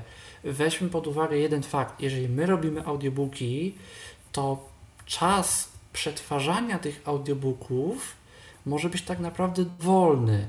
Tak naprawdę nic się nie stanie, jeżeli powiedzmy godzina audiobooka będzie przerabiana przez ten komputer w godzin 4 czy 5, bo przecież to się rzuci na serwer, to może sobie chodzić 24 godziny na dobę, bo to jest przecież komputer i to się w końcu kiedyś tam zrobi. Więc... Ja ci powiem więcej. Sorry, że ci przerwę, natomiast e, jest ten cały takotron, jak to się tam nazywa, czyli właśnie algorytm oparty na bardzo głębokim uczeniu maszynowym, który e, polega na tym, że bierze się najlepiej kilka godzin lektora, kilka godzin tekstu, samego tekstu tego autora, no tego samego tekstu po prostu. I teraz le, y, tam są jakby dwa takie, mm, jak to nazwać, nie kroki, ale dwa takie procesy, które trzeba wykonać, żeby ten y, głos, który się pojawi jakby z tego, można było wykorzystać jako syntezator mowy.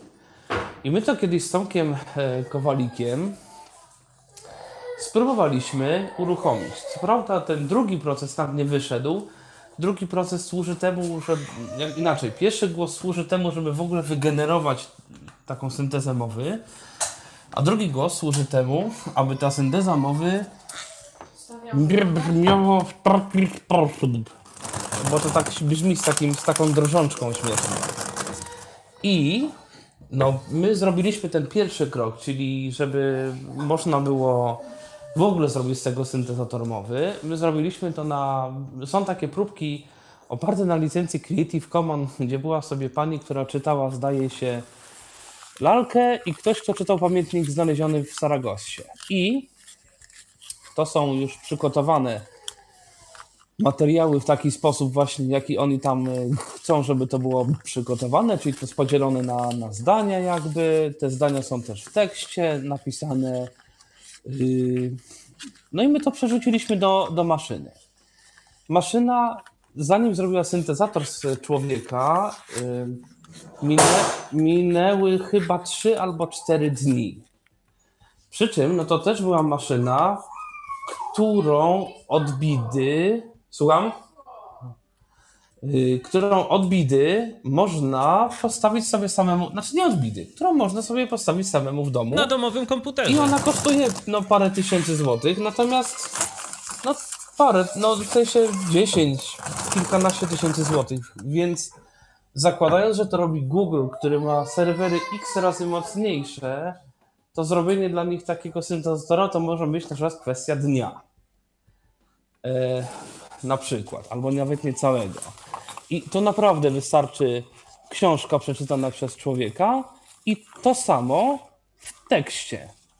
I teraz biorąc pod uwagę, że z tego co wiem, większość syntezatorów robi się na zasadzie czytania trochę, yy, trochę losowych zdań, na przykład z jakiejś Wikipedii. W 1944 roku stało się coś. Skarpety noszone trzy dni stają się dziwne.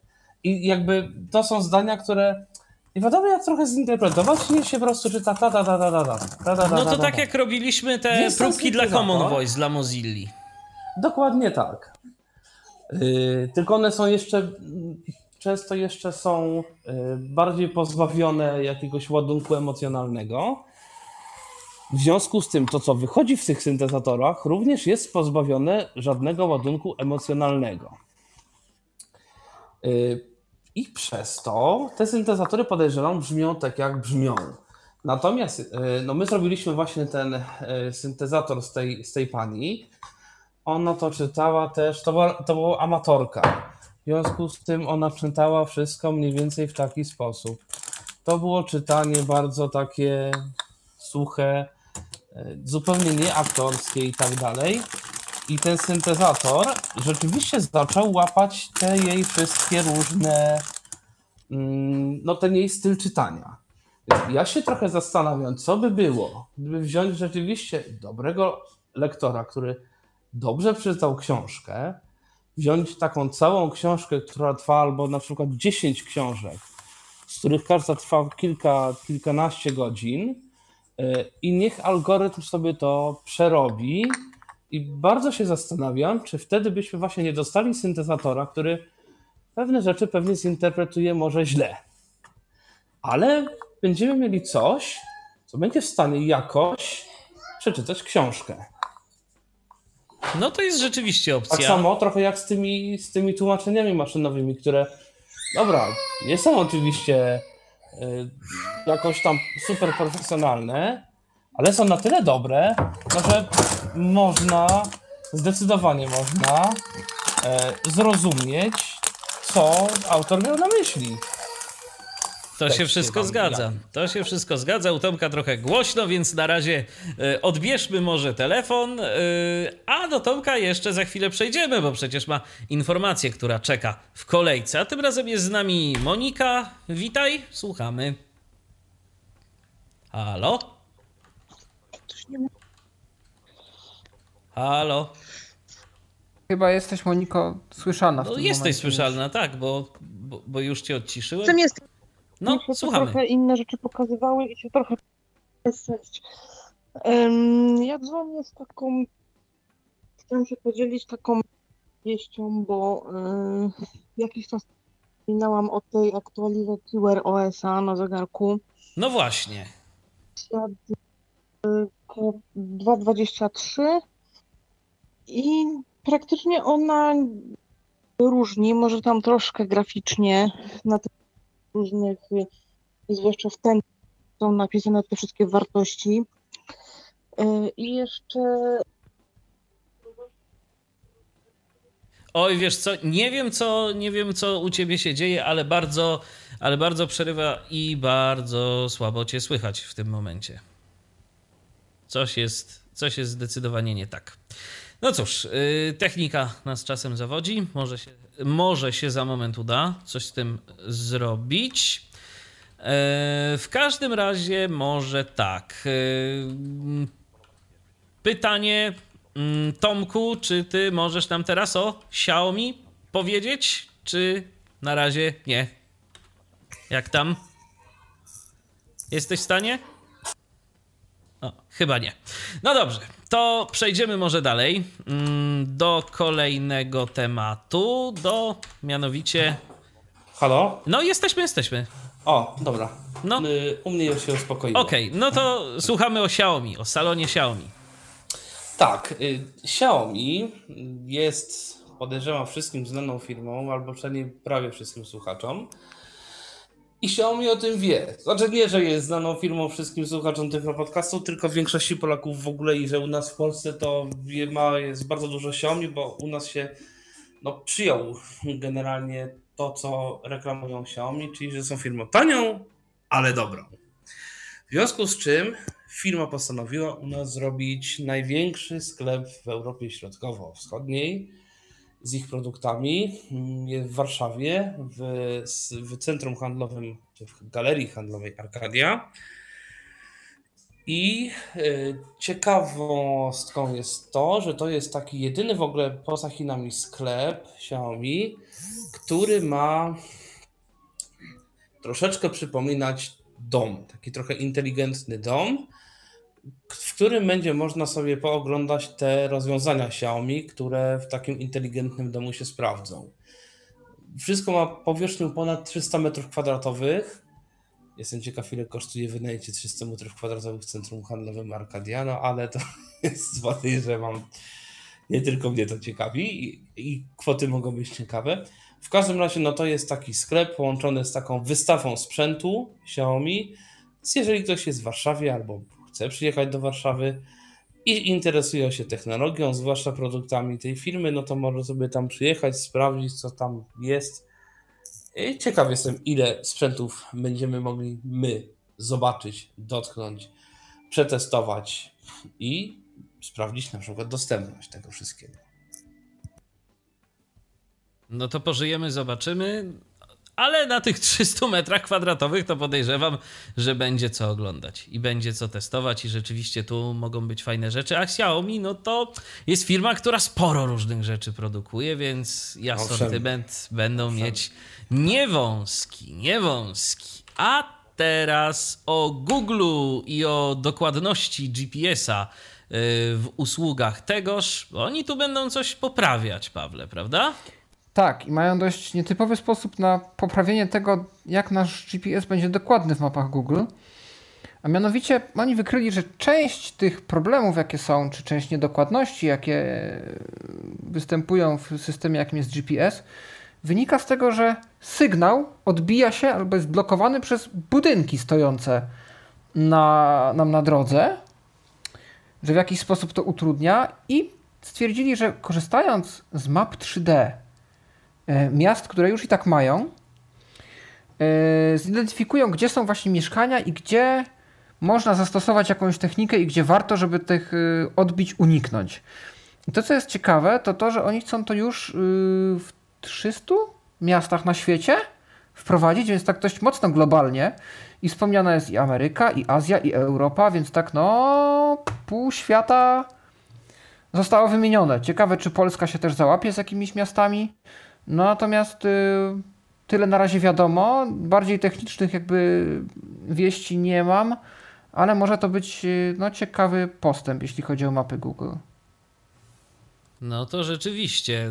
Fajnie by było też, jakby dało się z tego korzystać w innych y, programach nawigacyjnych. Na to osobiście nie liczę, ale no może w końcu się doczekamy też usprawnień w Polsce w mapach Google dla osób tak, niewidomych. Ten tryb, bo, który tak. jest już dostępny w Stanach i w Japonii, mógłby się wreszcie no. rozszerzyć, to prawda. No, Google coś nie lubi kończyć różnych swoich projektów albo bardzo długo czeka z ich rozwinięciem czasem.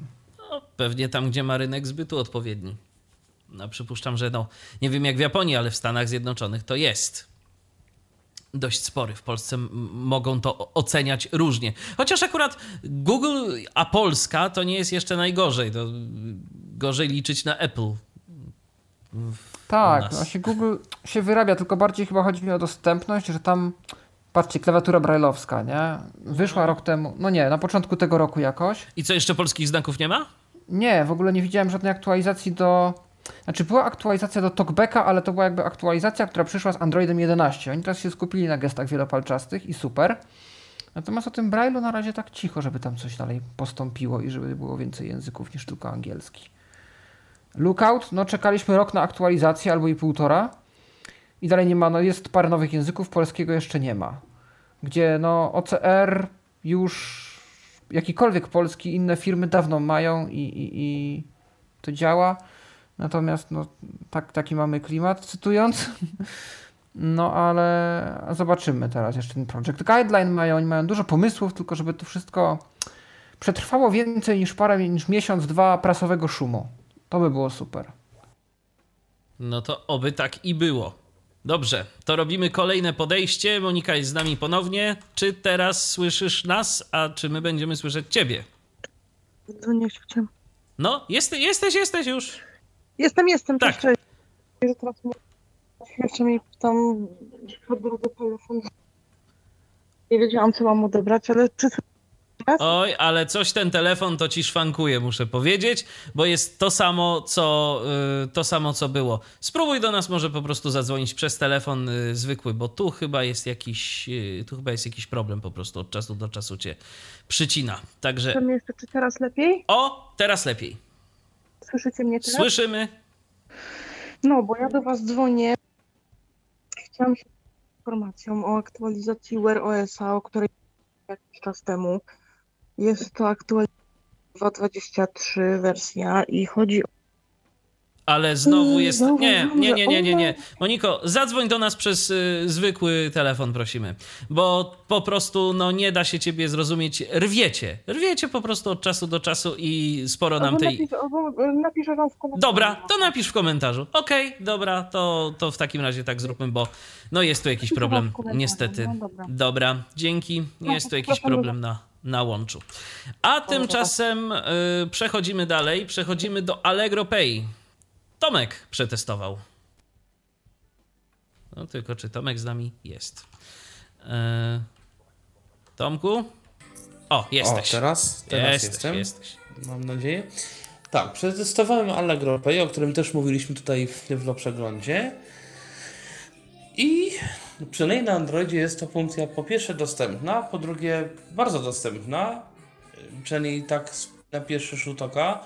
Po trzecie, bardzo fajnie zrobiona w, w takim sensie, że no, wygląda na to, że tam te wszystkie informacje, które mają być nam podane, to nam podane są. To znaczy, bo przypomnę tak krótko jeszcze dla tych, którzy nie wiedzą, na czym polega Allegro Pay.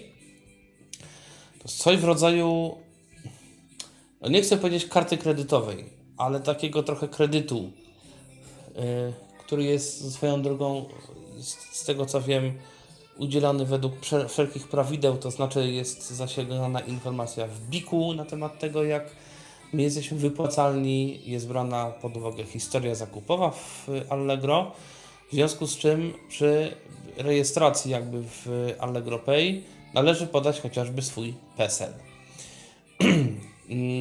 Całość, jak oni mówią, trwa mniej niż minutę i no tak, od momentu, kiedy wcisnąłem, że dalej. I teraz prosimy chwilę poczekać, to rzeczywiście to była chwila, to była chwilka, momencik.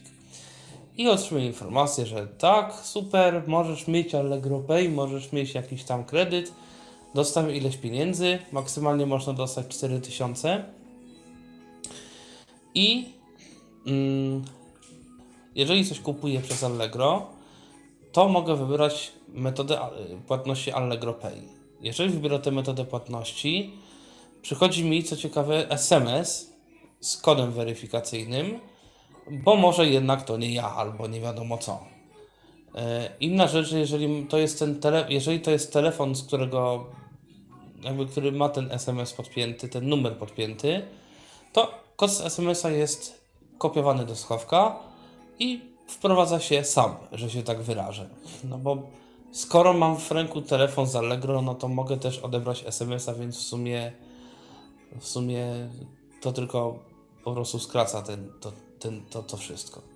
I teraz y, te pieniądze, które dostaję, znaczy dostaję, ten kredyt, który, który mam u Allegro, taki potencjalny, mm, mogę jakby z tego kredytu zapłacić za przedmiot. I teraz mm, pierwszą płatność mogę sobie przesunąć do 50 chyba 8 dni i za to nie będzie żadnych dodatkowych opłat.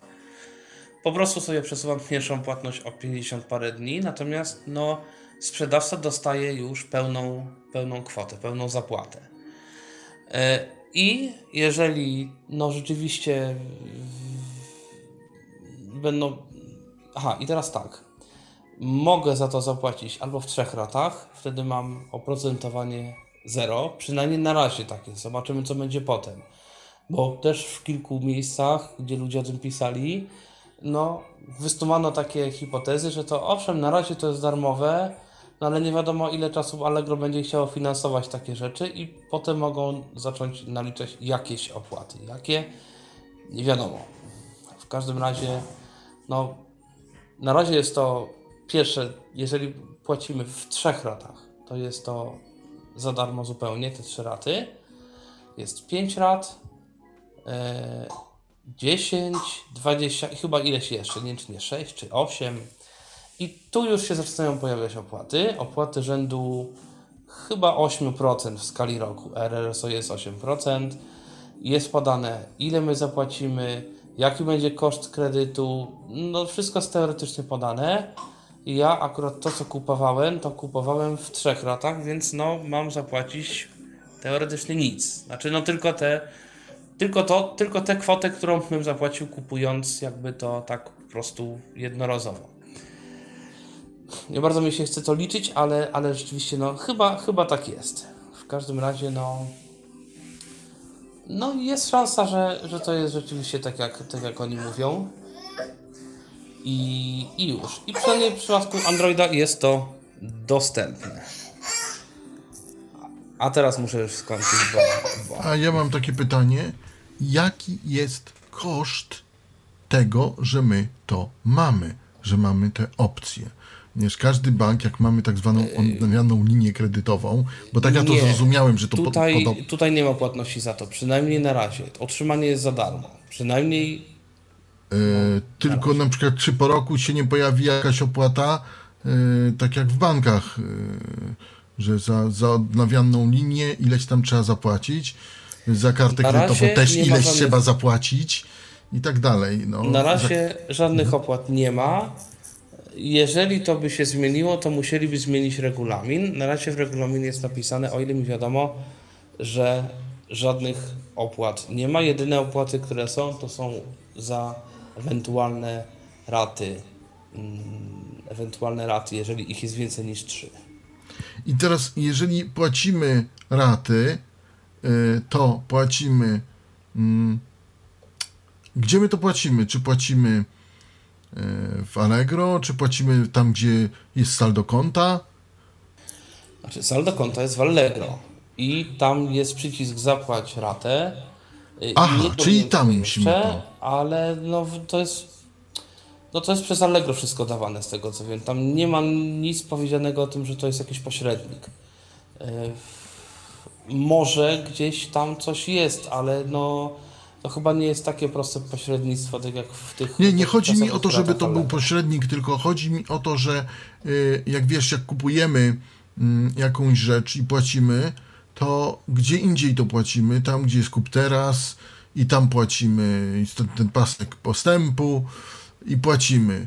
A tutaj właśnie, bo, bo gdzie indziej jakby rozliczamy To jest Rachun- osobna jakby rzecz, to Allegro Pay. I tam, ja mam przynajmniej na stronie głównej w aplikacji, no taki przycisk, że zapłać ratę Allegro Pay czy coś takiego i chyba tam masz jakąś zakładkę, gdzie jeszcze Allegro Pay i tam mogę to sobie wszystko spłacać. To jest osobne jakby, to coś osobnego trochę teraz w Allegro, to Allegro Pay. Aha, aha, aha. Rozumiem, rozumiem. A tymczasem A z tak, Allegro... Aha. Jeszcze ewentualnie zdradzając y, troszeczkę w, w nawiązaniu do tego, co mówiłem, można się powoli szykować na podcast o kolejnym odkurzaczu bezprzewodowym, o robocie sprzątającym. No to będziemy cierpliwie czekać. A tymczasem z Allegro przenosimy się do ZUS-u. Tu pozytywne wieści. Tylko, że cisza. Na razie. Ale, ale Mikołaju, teraz. już tak, już, już jesteś, już jesteś. I pozytywne Teraz wieści z jest- ZUS-u. Tak, bo PUE, portal usług elektronicznych ZUS-u bodajże, yy, poinformował, że zrezygnuje do końca roku z Flasha i wszystkie wnioski będą dostępne w formacie HTML do wypełnienia. No, tak jak były online, tak będą online, tylko po prostu zamiast Flasha będzie użyty HTML.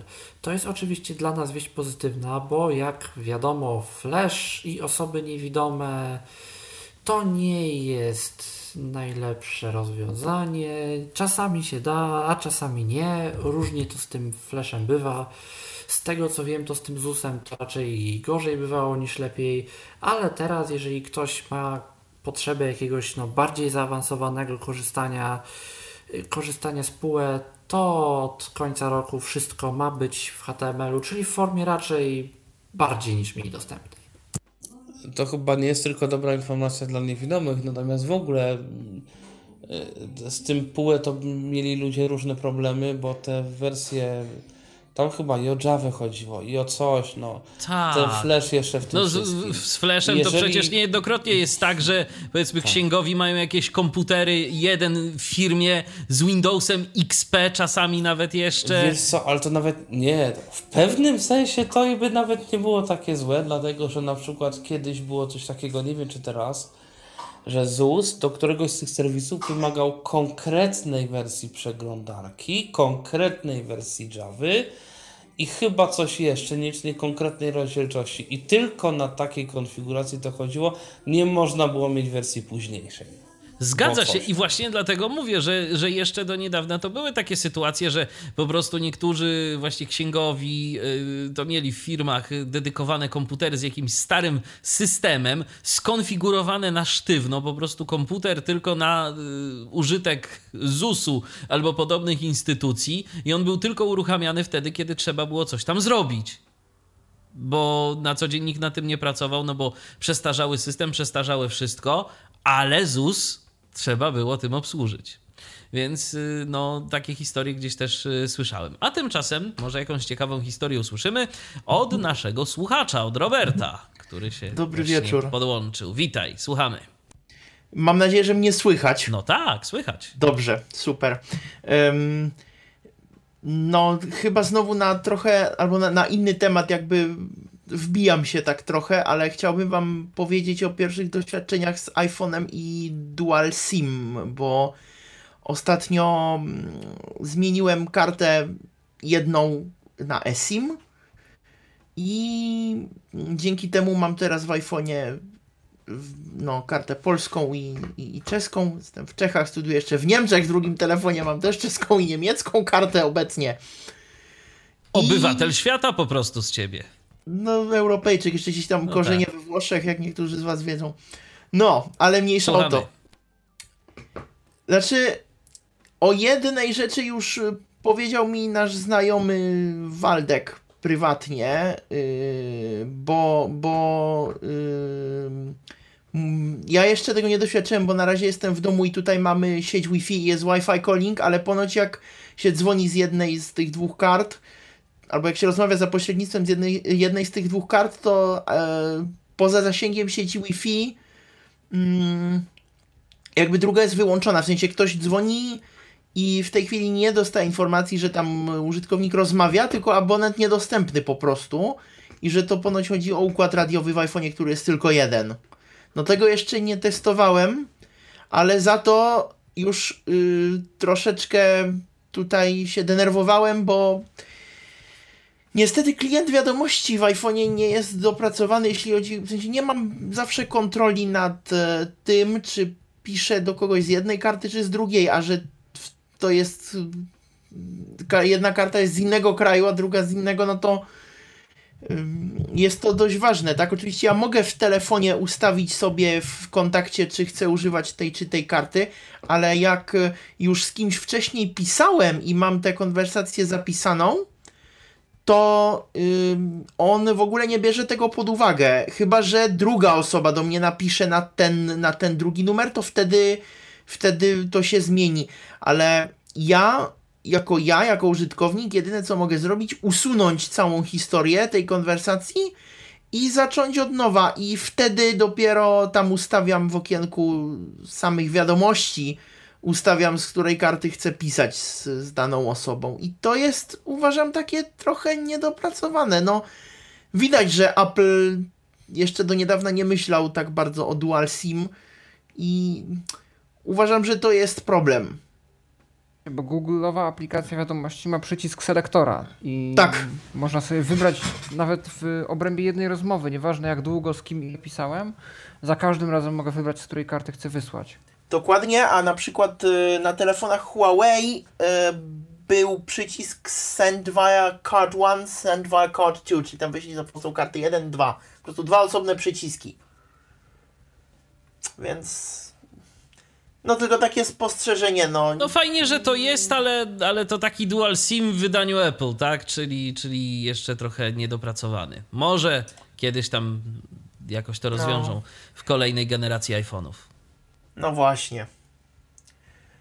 No, także, znaczy główny problem dla mnie to jest jednak ten SMS, bo te SMS-y, a to jest y, stricte software'owa sprawa, więc to by mogli rozwiązać w jakiejś aktualizacji. No. Owszem, zgadza się. Dobra, to dziękuję. To, to, to wszystko, co chciałem Wam powiedzieć. Dzięki Roberto za telefon. Pozdrawiamy, trzymaj się. Pozdrawiam również. No i zbliżamy się już do końca, słuchajcie, naszego dzisiejszego Tyflo przeglądu. Ale zanim jeszcze Wam powiemy do usłyszenia, to mamy informację o N26 czy N26, czy, czy jak tam go nazywać. Jakiś ciekawy bank, Pawle, znalazłeś. Bank w sumie nie jest nowy, bo na naszym rynku jest już od dłuższego czasu, ale nie miałem wcześniej potrzeby posiadania kolejnej karty, której nie wiem w sumie do czego bym używał. W związku z czym e, nie wiedziałem w ogóle czym to się je. Wiedziałem tylko, że to niemiecka usługa, tak jak Revolut był, czy jest brytyjski, tak N26 jest niemieckie i wiem, że w Niemczech to święciło swego czasu jakieś tam triumfy, potem przyszło do nas. No ale taka mi się wydarzyła sytuacja, że zapragnąłem mieć nagle tak od czapy konto zarejestrowane w Niemczech, bankowe, z niemieckim IBANem. No i pomyślałem, że skoro N26 jest w Niemczech zlokalizowane, to może jak założę sobie konto w N26, to dostanę takie, takie konto. No i się nie pomyliłem, bo rzeczywiście mam teraz konto w euro zarejestrowane w Niemczech z niemieckim IBANem. Więc gdyby ktoś potrzebował y, takiego konta, to się da. Natomiast y, sam bank nie jest w sumie niczym specjalnym, jeśli chodzi o konkurencyjność względem Revoluta, bo Mamy dużo ponarzucane limitów w wersji darmowej. Mamy na przykład 3% y, pobierane przy doładowaniu konta y, prowizji. Jeżeli doładowujemy konto, to jest pobierane 3% prowizji. Pierwsze doładowanie jest darmowe. Przy każdym kolejnym, jeżeli doładujemy konto za pomocą tam Google Pay, czy PayPala, czy podpiętej karty, to musimy się liczyć z prowizją. Zdaje się, że darmowe jest w momencie, no raczej jest, kiedy sobie te pieniądze sepą przelejemy z jednego konta na drugie. Potem znowu jest limit miesięczny. Ile można miesięcznie doładować, jeżeli chcemy doładowywać? No 450 euro, więc zależy. To może być dużo, to może być mało, zależy jakie kto ma potrzeby. Mm, no, jakieś ograniczenie to jest. Dużo fajnych rzeczy, yy, jakichś limitów jest poznaczonych w wersjach premium, a tych yy, przedziałów premium jest kilka. Yy, oczywiście jest możliwość wysyłania, yy, jest pieniędzy do znajomych z N26 po numerze telefonu, jest możliwość przelewów. Natomiast to, co jest ciekawe, to jest w ogóle dostępność tej aplikacji. Na Androidzie ona jest taka sobie, nie, że się nie da. To jest używalne i to nawet jest dosyć, powiedziałbym, wygodne. Pomijając to, że przed każdym elementem, przed każdą opcją jest przycisk Quick Actions czy Action Button, jakiś tam przycisk nie, chyba nie zaetykietowany domyślnie, który w sumie robi to samo co dany element. E, ale powiedzmy OK, potem są zakładki. Mniej więcej wszystko da się zrobić. Sama rejestracja, no wiadomo, jak to w takiego typu banku, wymaga zrobienia zdjęć y, dowodu z obu stron i naszego selfie. Tutaj trochę więcej szczęścia miał Roberto. Roberto już się rozłączył, ale y, może potwierdzi, może, może zaprzeczy, ale chyba raczej potwierdzi.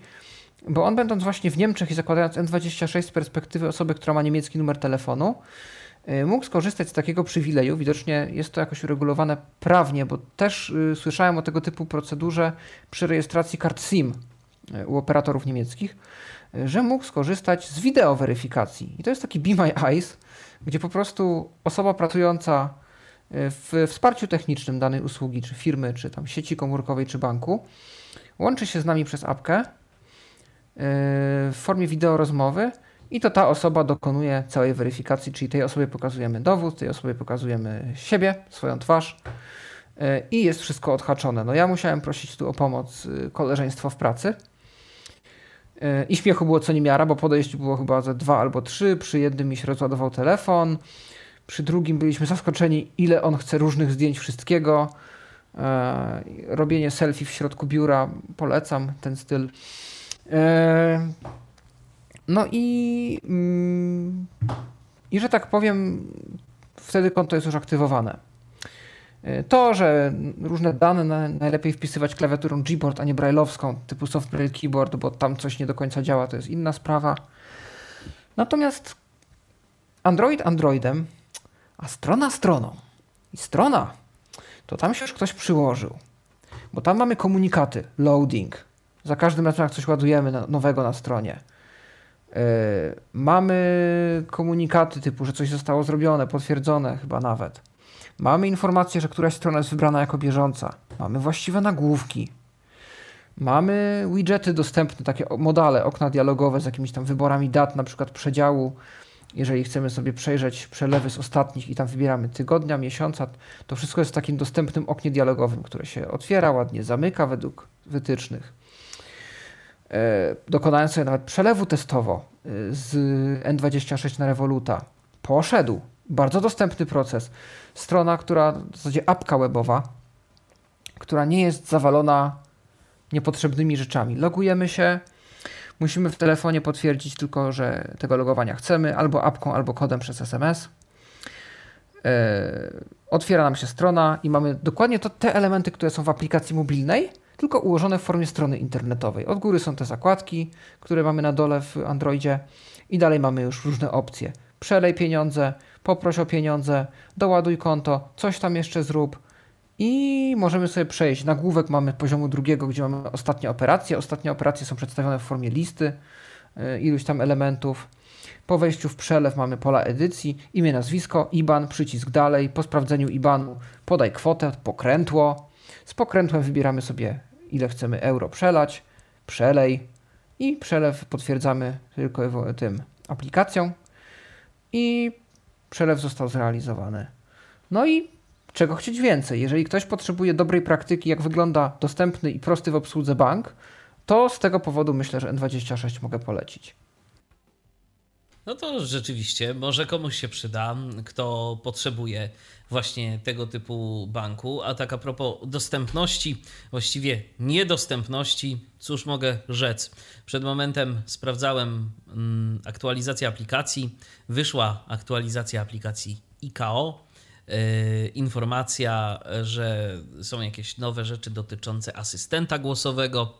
Sęk tylko w tym, że ten asystent głosowy nadal nie jest dostępny dla nas, jako dla użytkowników VoiceOvera, przynajmniej na iOSie. Ja tego tam dalej nie widzę, a było to już zgłaszane, ale jakoś no z tym sobie poradzić niestety Państwo z obsługi aplikacji ICAO nie potrafią. E, tymczasem, a propos takich właśnie dostępnych rzeczy, to mamy wypowiedź od naszego słuchacza Kacpra, którą teraz sobie pozwolę odczytać.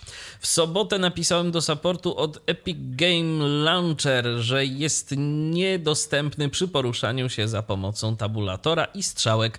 Trzeba użyć OCR. Nawet nawigacja obiektowa mm, ekranowa nie działa. Odpisali mi, że bardzo dziękuję za kontakt i przekażą tę cenną informację do ich programu programistów czy kogoś podobnego. Także zobaczymy, co z tego wyniknie. No to rzeczywiście zobaczymy, co z tego wyniknie. Życzymy powodzenia, żeby jednak coś z tego wyniknęło. Eee, tu nie widzę już na Facebooku żadnych komentarzy. E, nie, nie, chcę podbijać, nie chcę gdzieś tam podcinać skrzydeł i łamać nadziei, ale bardzo często tego typu zapytania kończą się na tym, na tym zapewnieniu. Owszem. I, I dalej nic nie wiemy, co się dzieje, ale owszem, powodzenia. Ale może akurat. Może akurat, chociaż tam byłby pewnie cały Fortnite do dostosowania, ale bo to chyba o, o Fortnite'a chodzi. Ja szczerze mówiąc nadal będę polecał serwisy typu LinkedIn, poszukać ludzi, którzy pracują nad danym produktem, stanowisko typu frontend developer, czyli osoba zajmująca się interfejsem użytkownika i próbować się odezwać bezpośrednio. Bo to czasami, czasami działa. Grałem Project Leader po Project Leaderze, bo taki frontend bardzo często niewiele może chyba w tym wszystkim. No może powiadomić swojego przełożonego, że takie jest. Frontend może niewiele móc, ale frontend może ci czasami dać kontakt w firmie do kogoś, kto może. I do Też kogoś, prawda. to nie jest first line support, który wiadomo, że wszystko wrzuci i ja wiem, jak działa support w firmie i support bardzo często działa tak, że oni, że to nie jest tak, że oni mają kontakt z deweloperem i oni coś wyślą, tylko to będzie wrzucone jako jakiś issue i tych klientów tam jest ze 2000 i oni wysyłają. I zanim taka dostępność dojdzie do tego, do kogo ma dojść, to ona się zagubi w, w prawda, w i to bardzo często. A jeszcze warto pamiętać, że te wszystkie tak zwane issue trackery, z których się korzysta yy, w pracy nad różnego rodzaju projektami, to mają takie coś, co się nazywa priorytety. I tych Dokładnie. priorytetów jest ileś, i to może po prostu ktoś tam z supportu sobie przesunąć na low, czyli na niski priorytet. Dokładnie. I, i to może nie zostać nigdy odkopane. Ja słuchajcie, ja, ja widziałem nawet takie małe projekciki, E, gdzie są powiedzmy, jest jakiś tam Redmine czy, czy inny tego typu system. Sam miałem okazję nad e, takimi rzeczami pracować i widziałem jak to jest, jak się zgłasza ileś różnych e, tematów do poruszenia, a później to tak wszystko tak fajnie spada. Priorytet low, low, low, low, low, kilka rzeczy, które y, są podejmowane przez deweloperów, yy, są zamykane i prośba o testy i akceptację, a potem znowu, a potem znowu się okazuje, że z tego low to tam rzadko kiedy już się podnosi dane zgłoszenie. Dokładnie i jakby, jakby nie było, jak jakiś deweloper czy nawet menedżer na meetingu, na spotkaniu powie, hej, do mnie to taki napisał i on by chciał, kurde, może byśmy zrobili. To też jest zupełnie inne podejście, jak to jest jedno z tysiąca, dwóch, trzech tysięcy błędów, które ktoś tam gdzieś tam zgłosi i tak naprawdę nie ma w tym nic niezwykłego, jest mała szansa, że ktoś coś z tym zrobi. No i z issue robi się issue. proszę Państwa. Tak, pozdrawiamy Z pozdrowieniami. tych, którzy Harejterów Tak oglądają. Iszu. Są von Iszu. Tak jest. A tymczasem dodzwonił się do nas Piotr. Witaj. Dobry wieczór, jak mnie słychać? Dobrze, głośno i wyraźnie. E, no to ja tak spontanicznie postanowiłem pobawić się tym e, Mobile Connectem od Della, bo no, byłem ciekawy, czy mi się udało. Mam komputer stacjonarny, który nawet nie ma Wi-Fi. Ja mówię, popróbuję. E, znalazłem sobie mm, na, w internecie, jak to zrobić. Musiałem ściągnąć jeden pakiet sterowników, no i potem aplikację. E, teoretycznie to się dało zrobić ze sklepu. Mi w sklepie się wyświetlało, że to jest niekompatybilne. E, ale znalazłem link do pakietu instalacyjnego. Ja to potem może wrzucę w komentarzu. Tam w Super by ustawieniach. było. Tak, w, w ustawieniach trzeba włączyć w Windowsie 10 tryb deweloperski. E, Potem to się samo instaluje bez problemu, tylko trzeba kliknąć zainstaluj. Na stronie pisało, że to potem teoretycznie się samo powinno już ze sklepu aktualizować. E, No i tak. E, Proces parowania musiałem zrobić e, poprzez właśnie rozpoznawanie ekranu, który mi pomógł przejść przez te wszystkie ekrany proszące o uprawnienia, ale jak już doszłem do tego kodu, no to niestety to mi też tego nie czytało. Nie wiem, czy Miki, ty to przez Voice Dreama robiłeś, czy pytałeś kogoś widzącego? Ja to robiłem przez Voice Dream Scanner. Przez A. uprawnienia nawet przeszedłem bez rozpoznawania A, ekranu, widzisz. bo to się dało, ale Voice Dream Scanner na kodzie. A. Bo, nie, Voice Dream, chyba Voice Dream. No ja rozpoznawaniem ekranu tego nie widziałem, tylko przeczytał mi here is your code, proszę bardzo, masz kod, ale potem już nic więcej. E, musiałem poprosić osobę widzącą. E, I ja, ale jak już to zrobiłem, no to wyskoczyło mi jeszcze parę komunikatów, tam prośby o powiadomienia i tak dalej, parowanie, takie podstawowe rzeczy. E, No i na spontana poprosiłem, żeby ktoś do mnie zadzwonił na FaceTime, bo wszyscy już śpią. E, Dostałem ten telefon i bez problemu mogłem rozmawiać. Jakość była całkiem fajna. Troszeczkę e, rozmówca mówi, że troszeczkę mi było inaczej słychać, było jakoś więcej odszumiania niż, niż zwykle, ale jak najbardziej dało się przez to rozmawiać. Mm, Powiadomienia też mi zaczęły jakoś przychodzić. Jedyne co nie działało to ta część z um, udostępnianiem ekranu, bo tam wyświetlił mi się komunikat, że mój komputer nie ma Wi-Fi. Więc może to na laptopie, który ma kartę Wi-Fi, to może by zadziałało. Ja karty Wi-Fi na tym komputerze nie mam, więc, e, Mój problem, więc to nie zadziałało. mój problem z rozpoznawaniem ekranu jest jeden. Tam jest komunikat, kliknij w przycisk rozpoznawania ekranu w aplikacji tej komórkowej aplikacji, żeby to włączyć. A A w komórkowej aplikacji ja owszem ten przycisk sobie w Voice Dreamie nawet widzę, jak zrobię screenshot, no tylko, że z voiceoverem to ja sobie Nie niego nie kliknę. ja nie mam Wi-Fi. Ja to może na laptopie spróbuję, gdzie mam Wi-Fi, to może to zadziała. No na tym komputerze akurat Wi-Fi nie mam, więc e, no tutaj nie mogę powiedzieć, czy to działa. Wszystkie inne funkcje, no SMS-ów też jeszcze nie testowałem, ale przypuszczam, że no też powinny działać. Jeśli wszystko inne działa, to raczej to też powinno pójść. To fajna sprawa, czyli mamy takie handoff, tylko że nie potrzebujemy do tego Maca. No właśnie. No właśnie mi jakoś znowu powiadomienie przyszło, się dźwięk taki fajny odezwał. Szkoda, że to nie idzie przez powiadomienia systemowe. E, bo z tego co widzę, to nie wyświetliło się jako powiadomienia Windows 10, to nie To wiem, się czy to się pod schowało. tabem pojawia, ale to jest takie... Dziwnie to działa, dziwnie to działa. Mm. Dziwnie, dziwnie, masz rację, tam jakoś to najpierw widzę aplikację, potem ta, w ogóle ta aplikacja ma tak, że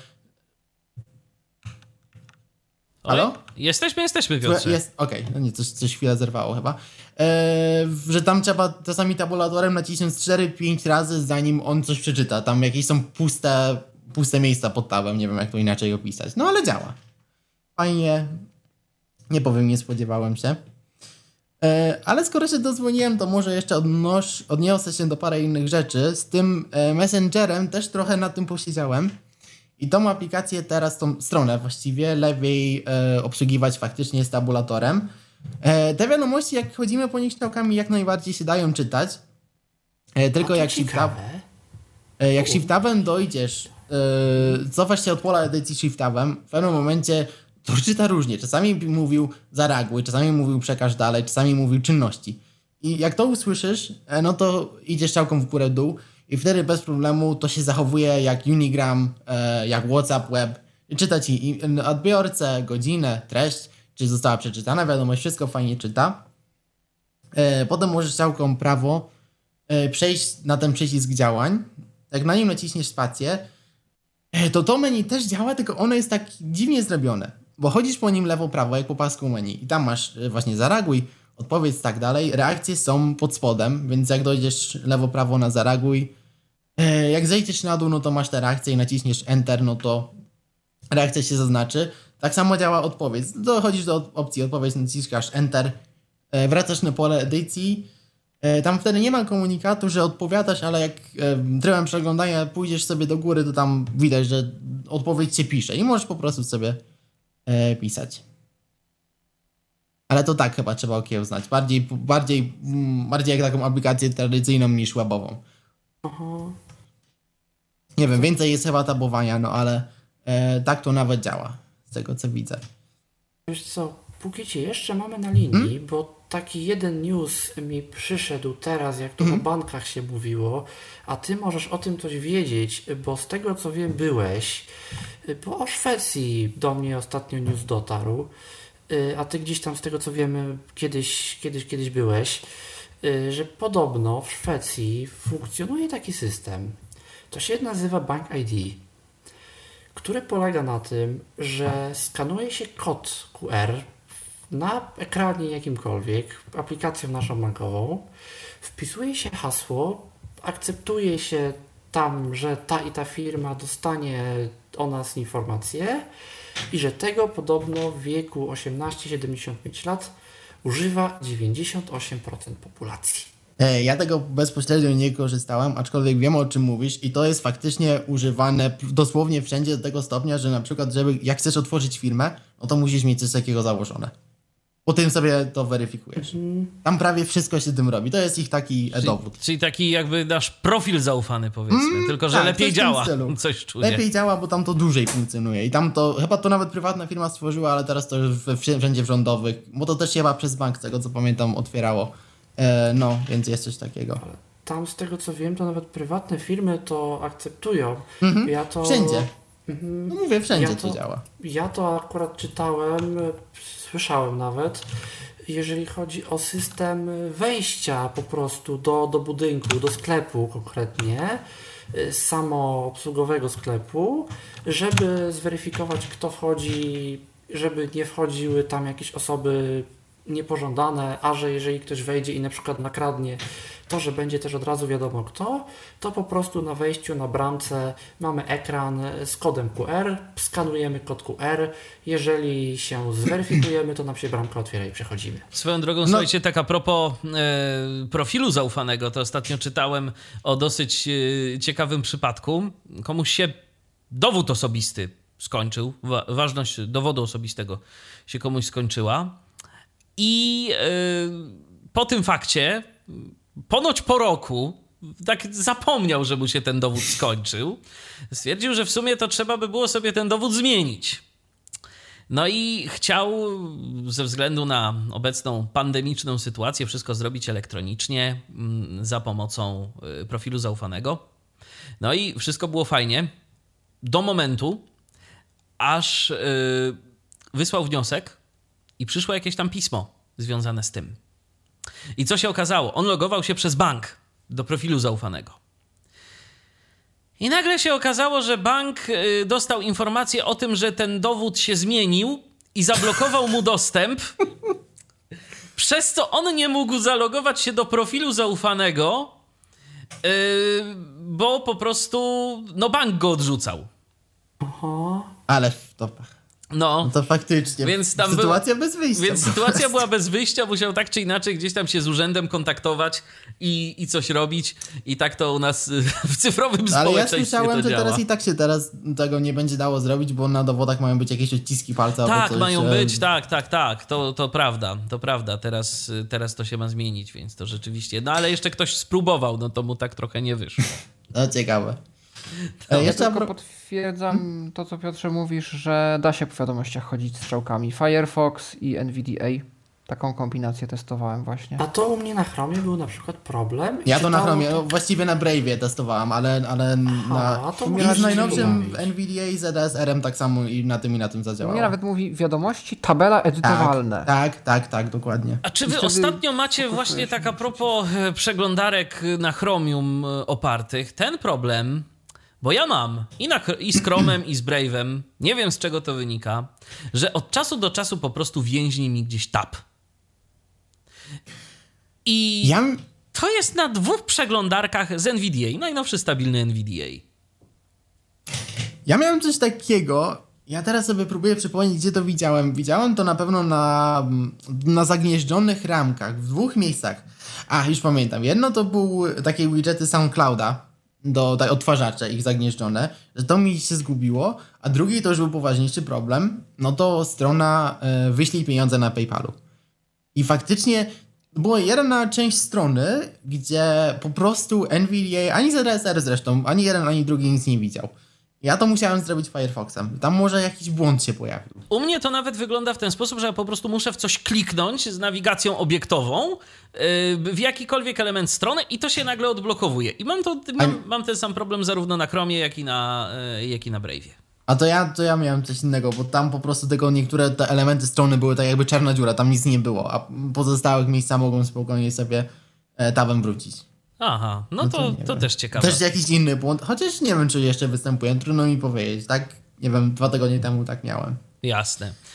Dobrze, E, jeszcze a to propos czy jeszcze coś? aplikacji, tak, jeszcze a propos aplikacji webowych, to ostatnio takie moje odkrycie, e, że webowy Spotify się stał całkiem przyjemny, nawet bym powiedział, że przyjemniejszy od aplikacji na desktop.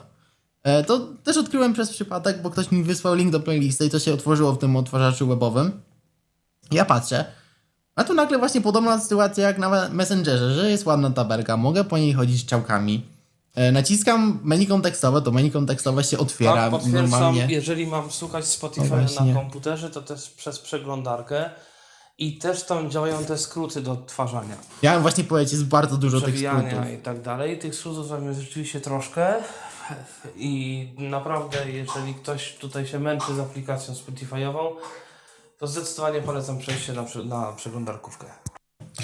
Jak najbardziej. Tam faktycznie to działa, no mam wrażenie, że lepiej, a mamy też ten, tą opcję Spotify Connect, więc tam mamy jakieś głośniki, którymi chcemy sterować, to też się przez tą stronę e, da to zrobić. Mamy skróty, żeby dać lajki, tam no, dużo jest tych skrótów. E, taka generalnie porada do wszystkich web aplikacji, bo to jest taki nieoficjalny standard, ale jednak większość ludzi to robi. E, na jakiejkolwiek jakiejś bardziej skomplikowanej aplikacji warto nacisnąć sobie zawsze znak zapytania i to nam zazwyczaj wyświetli listę klawiszy. To działa na YouTubie, to działa na Facebooku, to działa właśnie tutaj na Spotify'u, e, to działa na SoundCloudzie. No na większych tych aplikacjach to właściwie wszędzie e, ten skrót nam powinien wyświetlić listę wszystkiego. Bardzo często takie aplikacje właśnie można e, obsłużyć tak bardziej mm, jak takie aplikacje klasyczne niż, e, niż webowe. Skrótów jest dosyć dużo. Szczerze mówiąc, ja się bawiłem tą apką webową i ona fajna jest, ale jak dla mnie to ona ma kilka problemów. Po pierwsze, moim zdaniem, może się mylę, ona jest trochę mniej stabilna niż ten desktop. Że desktop przez to, że jest desktopem i jest na komputerze i jednak trochę więcej chyba może, to on sobie więcej zakeszuje, więcej zabuforuje, wie, że jak my czegoś częściej słuchamy, to on sobie to gdzieś tam zapisze w pamięci. Yy, I powiedzmy, jak nam się wyłączy na chwilę internet, bo mamy cudowną kartę sieciową, która czasami lubi, to my tego nawet nie zauważymy. Gdzie na webie to nam się po prostu przerwie odtwarzanie i czasami nie za bardzo będzie chciało się wznowić z powrotem. Druga rzecz, mamy playlistę. I teraz albo jakoś, dla mnie w ogóle nawigacja po tej playliście to nie jest wcale taka oczywista rzecz. Bo nawigujemy po pierwszej kolumnie, to słyszymy przycisk odtwórz i potem dopiero nazwę ty, ty, tytuł utworu. Nawigujemy po drugiej kolumnie, która teoretycznie powinna być artystą, to słyszymy tytuł utworu by ktoś tam, ktoś tam, ktoś tam, po czym ktoś tam, ktoś tam, ktoś tam link bodajże. Po czym nagle chcemy na tym kliknąć Enter i, i nam wchodzi w artystę, bo to jest przecież druga kolumna od artysty. To, to niby działa, ale nie wiem, dla mnie jest to jakieś takie trochę mało fajne i mało intuicyjne. Chociażby to, że jak sobie zmieniamy głośność, to skaczemy też po playliście, bo nam się skróty nie, nie zatrzymują. Ja tego nie miałem. O, a to ciekawe. To, to jest kwestia, nie wiem, przeglądarki Nie czy wiem. czegoś, Bo ja autentycznie jestem sobie na playliście, jadę alt, alt góra, alt dół, bo takie są skróty w, w webie i ewidentnie zmienia mi się głośność, ale skaczę też po playliście, przesuwam się normalnie jakbym góra dół wciskał. Y, Coś jeszcze takiego było. Szczerze mówiąc, do tej pory z tych wszystkich interfejsów do Spotify'a, jakie ja widziałem, to spodobały mi się dwa. Stary dobry blind spot, który już niestety nie działa i klient, który nazywał się Spot, który był wbudowany w Mooda. I to był dobry interfejs do obsługi Spotify. Bo szczerze mówiąc, wszystkich tych desktopowo-webowych interfejsów to się da, to można, okej, ale no, żeby to było jakieś fajne, piękne i cudowne, to ja bym nie powiedział. Blindspot to był blindspot, bo to działało jak każdy klient Twittera dla niewidomych. Bufory, Tak, bufory, i to było naprawdę bufory. fajne. To było No mnie fajne. to ominęło, ja wtedy jeszcze z Spotify nie korzystałem, ale słyszałem o tym.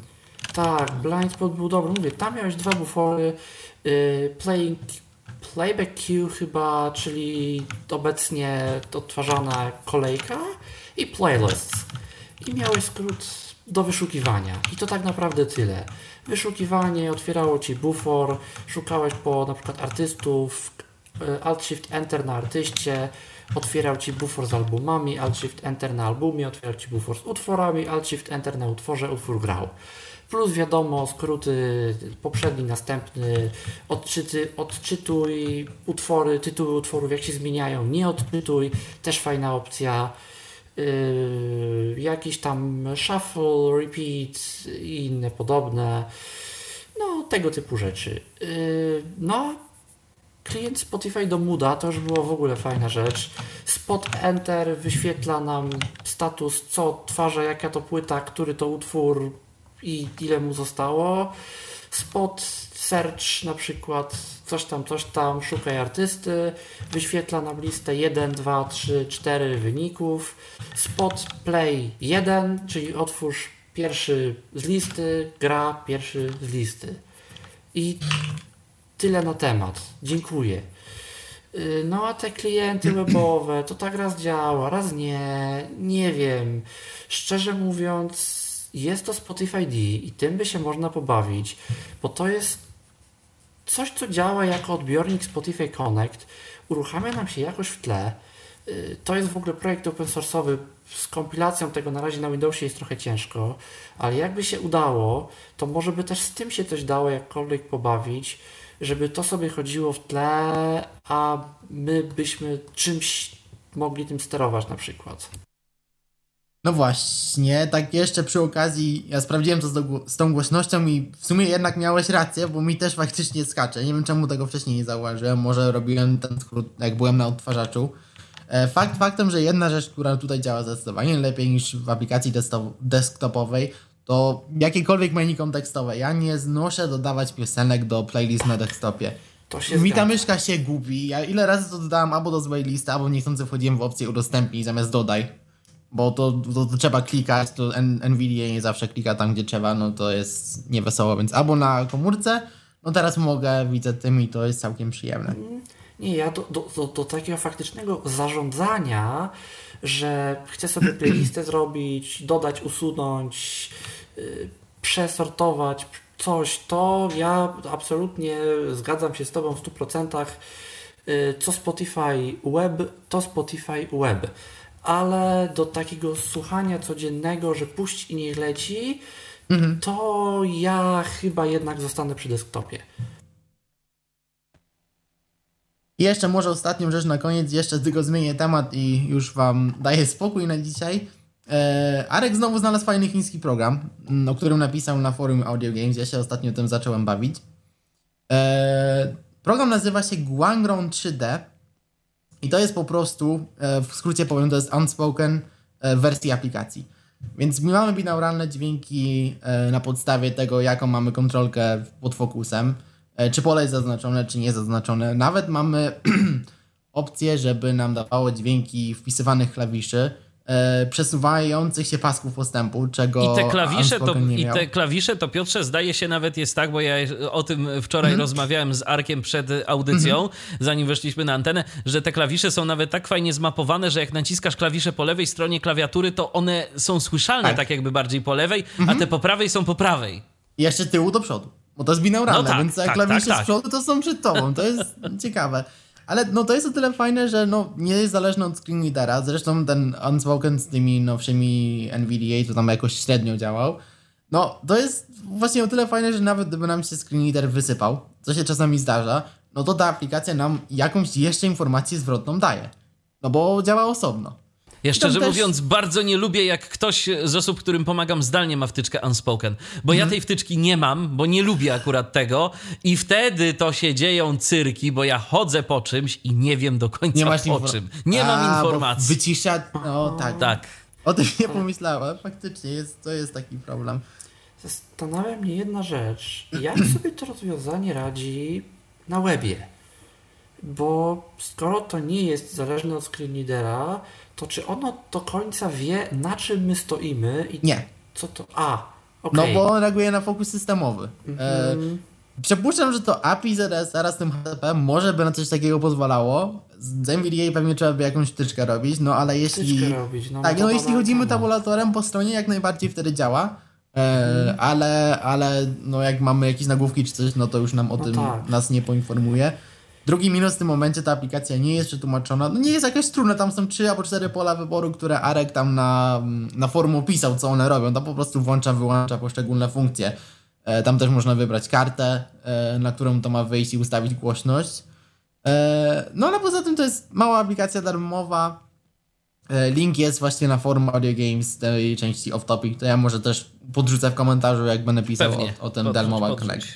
Tu chyba mam wrażenie, poprawnie jeżeli się mylę, że to będzie działało trochę lepiej z ZDSR-em niż z NVDA, o tyle, że ZDSR to ma coś takiego jak Language Manager i tam sobie możemy ustawić, czy on ma czytać, że pole wyboru i czy on ma czytać zaznaczone i w jakiej kolejności i jak on to ma czytać. No tam to można wyłączyć faktycznie. Tak. A w NVDA co czyta, to czyta i nic z tym nie zrobimy. No tak, ale fakt faktem, że i tak tą informację można pominąć, bo dźwięk jest od razu, tak więc zanim tam mowa dojdzie tam do tego, no to... I tak wydaje mi się, że aplikacja całkiem fajna, całkiem przydatna. E, nie wiem jak bardzo działa na baterię, bo to też mam od kilku godzin w sumie, ale no podoba mi się całkiem. No to warto, y, żebyś też Piotrze dał jakiś link. Jak najbardziej. Tak, to, to na pewno słuchacze docenią. Dzięki serdeczne. Proszę bardzo, dobranoc. Do usłyszenia, trzymaj się, a tymczasem mamy jeszcze jeden telefon.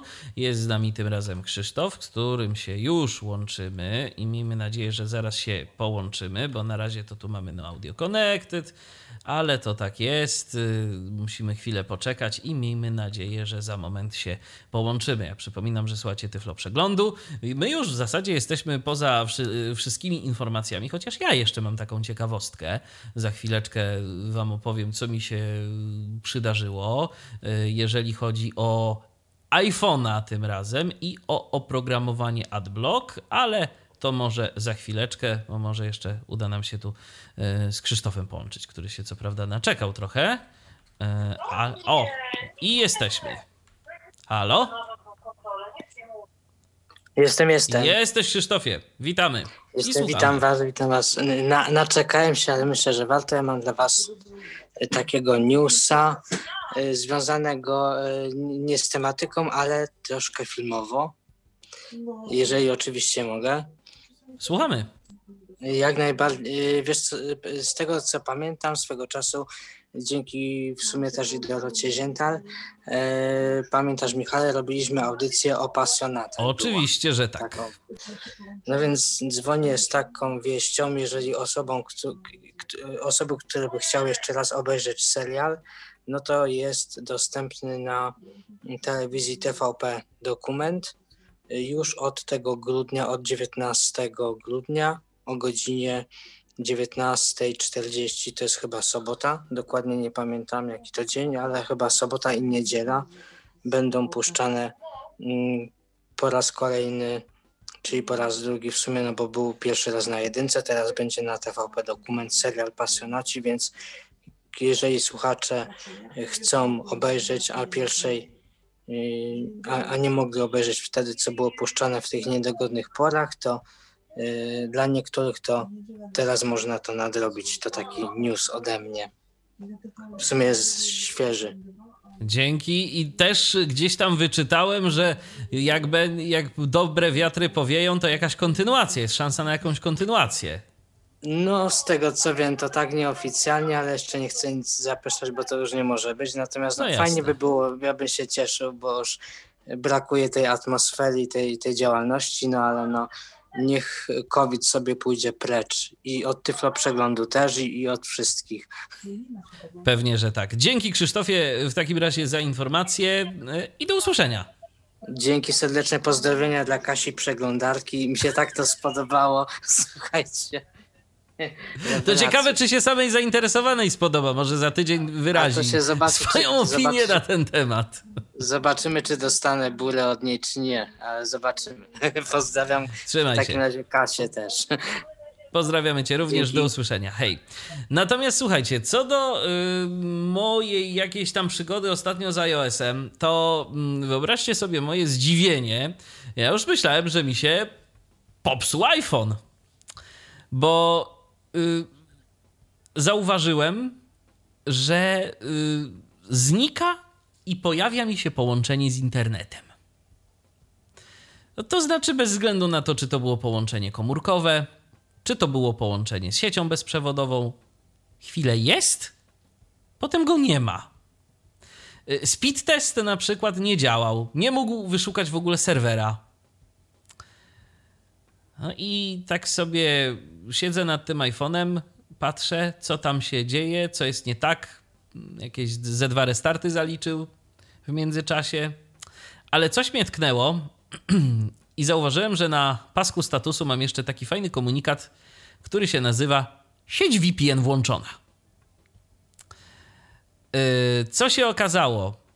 Jeżeli używaliście i używacie takiego programu jak AdBlock, który właśnie instaluje się jako usługa VPN, to yy, zaktualizujcie go sobie. Właśnie, bo to mi się stało wczoraj, a właśnie dziś w App Store zauważyłem aktualizację do AdBlocka, który, która to była opisana, że poprawia pewien błąd, który powodował e, wpadnięcie e, aplikacji w nieskończoną pętlę. Więc y, zastanawiam się, co w ogóle wywołało ten błąd, bo, ten, bo z tym błędem spotkałem się dopiero wczoraj. Może nie wiem, był on zależny od jakiejś daty albo od czegoś. W każdym razie sytuacja była bardzo dziwna i gdybym nie zwrócił uwagi na tego VPN-a, no to naprawdę można by się było zastanawiać. No, można by dojść do wniosku, że się po prostu coś tu uszkodziło z jakimś modułem sieciowym w iPhone'ie. Ale nie. Wystarczyło usunąć to połączenie VPN i wszystko wróciło do normy. Wszystko już po prostu działa tak, jak yy, działać powinno, a teraz no, można sobie zaktualizować tego adblocka i cieszyć się ponownie działającą aplikacją. Tyle ode mnie. Czy ktoś z Was ma jeszcze jakieś informacje? Ja mam. A, to I to słuchamy. kilka. O, no to Yy, słuchamy. Po pierwsze, kilka takich fajnych newsów dla użytkowników urządzeń, które się nazywają Amazon Echo, bo ja jestem i ostatnio odkryłem całkiem fajną i przydatną funkcję. Yy, Jeżeli mamy potrzebę zadzwonić do kogoś, kto ma numer w tej tak zwanej strefie NANP, czyli kierunkowy plus jeden, Stany Zjednoczone, Kanada i kilka wysp wokół, y, to za pomocą tego urządzenia jak najbardziej możemy to zrobić. Możemy to zrobić za darmo, ale co ważne i czego żadna inna internetowa usługa nam nie da, możemy to zrobić z naszego własnego numeru telefonu. Bo jeżeli tylko mamy do Amazona podpięty numer telefonu i może być to numer nawet polski, to jeżeli my z takiego urządzenia gdziekolwiek zadzwonimy, to nasz rozmówca będzie widział połączenie przychodzące jako nas, jako nasz zwykły komórkowy numer, mimo że to połączenie z naszą komórką bardzo mało będzie miało wspólnego. Co jest opcją bardzo fajną. Jeżeli ktoś na przykład zna nasz numer, ma nas w kontaktach, używamy WhatsAppa, FaceTime'a, czegokolwiek yy, i po prostu chcemy do niego dzwonić, a wiadomo, że nie chcemy robić tego z naszej zwykłej standardowej komórki, bo to się może źle skończyć dla naszego portfela to jeżeli mamy takie urządzenie, to możemy zrobić to w ten sposób. Nie wiem, czy inne kraje, typu na przykład Wielka Brytania, y, też działa. Podejrzewam, że jeżeli coś będzie działać, to będzie to Wielka Brytania, będzie to Australia, ale szczerze mówiąc, nie mam nawet za bardzo numeru, y, na którym bym to mógł sprawdzić. Yy, no, ale to można by przetestować. Na pewno nie działa Polska. Jeżeli próbujemy w ten sposób zadzwonić na numer polski, to dostajemy komunikat, że Twoje połączenie nie mogło zostać nawiązane. Your call couldn't be completed as dialed. Yy, co jeszcze, to taka trochę mniej fajna informacja, co zrobić, jeżeli takie urządzenie nam się zawiesi, bo mi się na przykład raz to zdarzyło ostatnio i to się zawiesiło tak, no, permanentnie bym powiedział. Wyłączenie z prądu, włączenie, nic.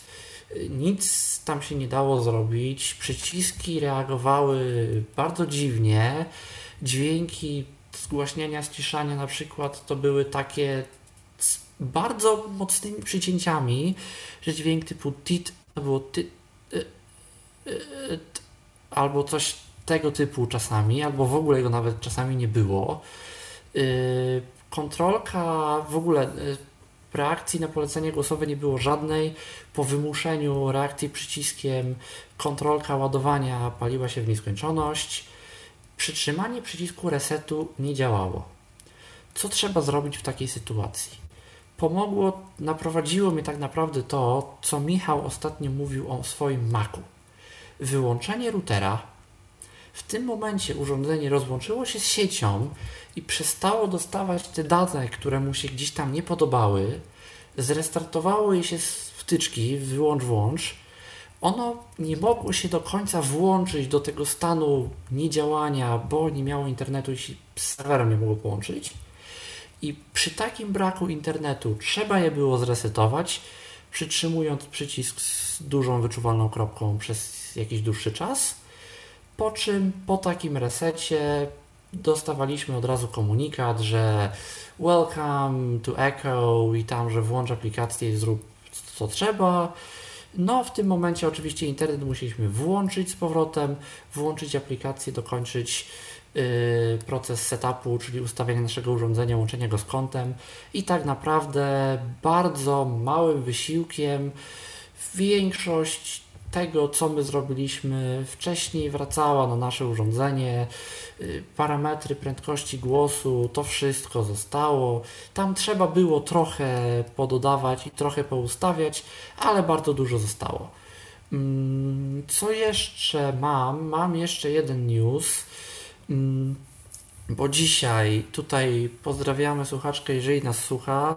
Testowaliśmy rozmowy na sygnalu z desktopa, bo ja postanowiłem sobie sprawdzić, jak to działa, bo nie każdy wie.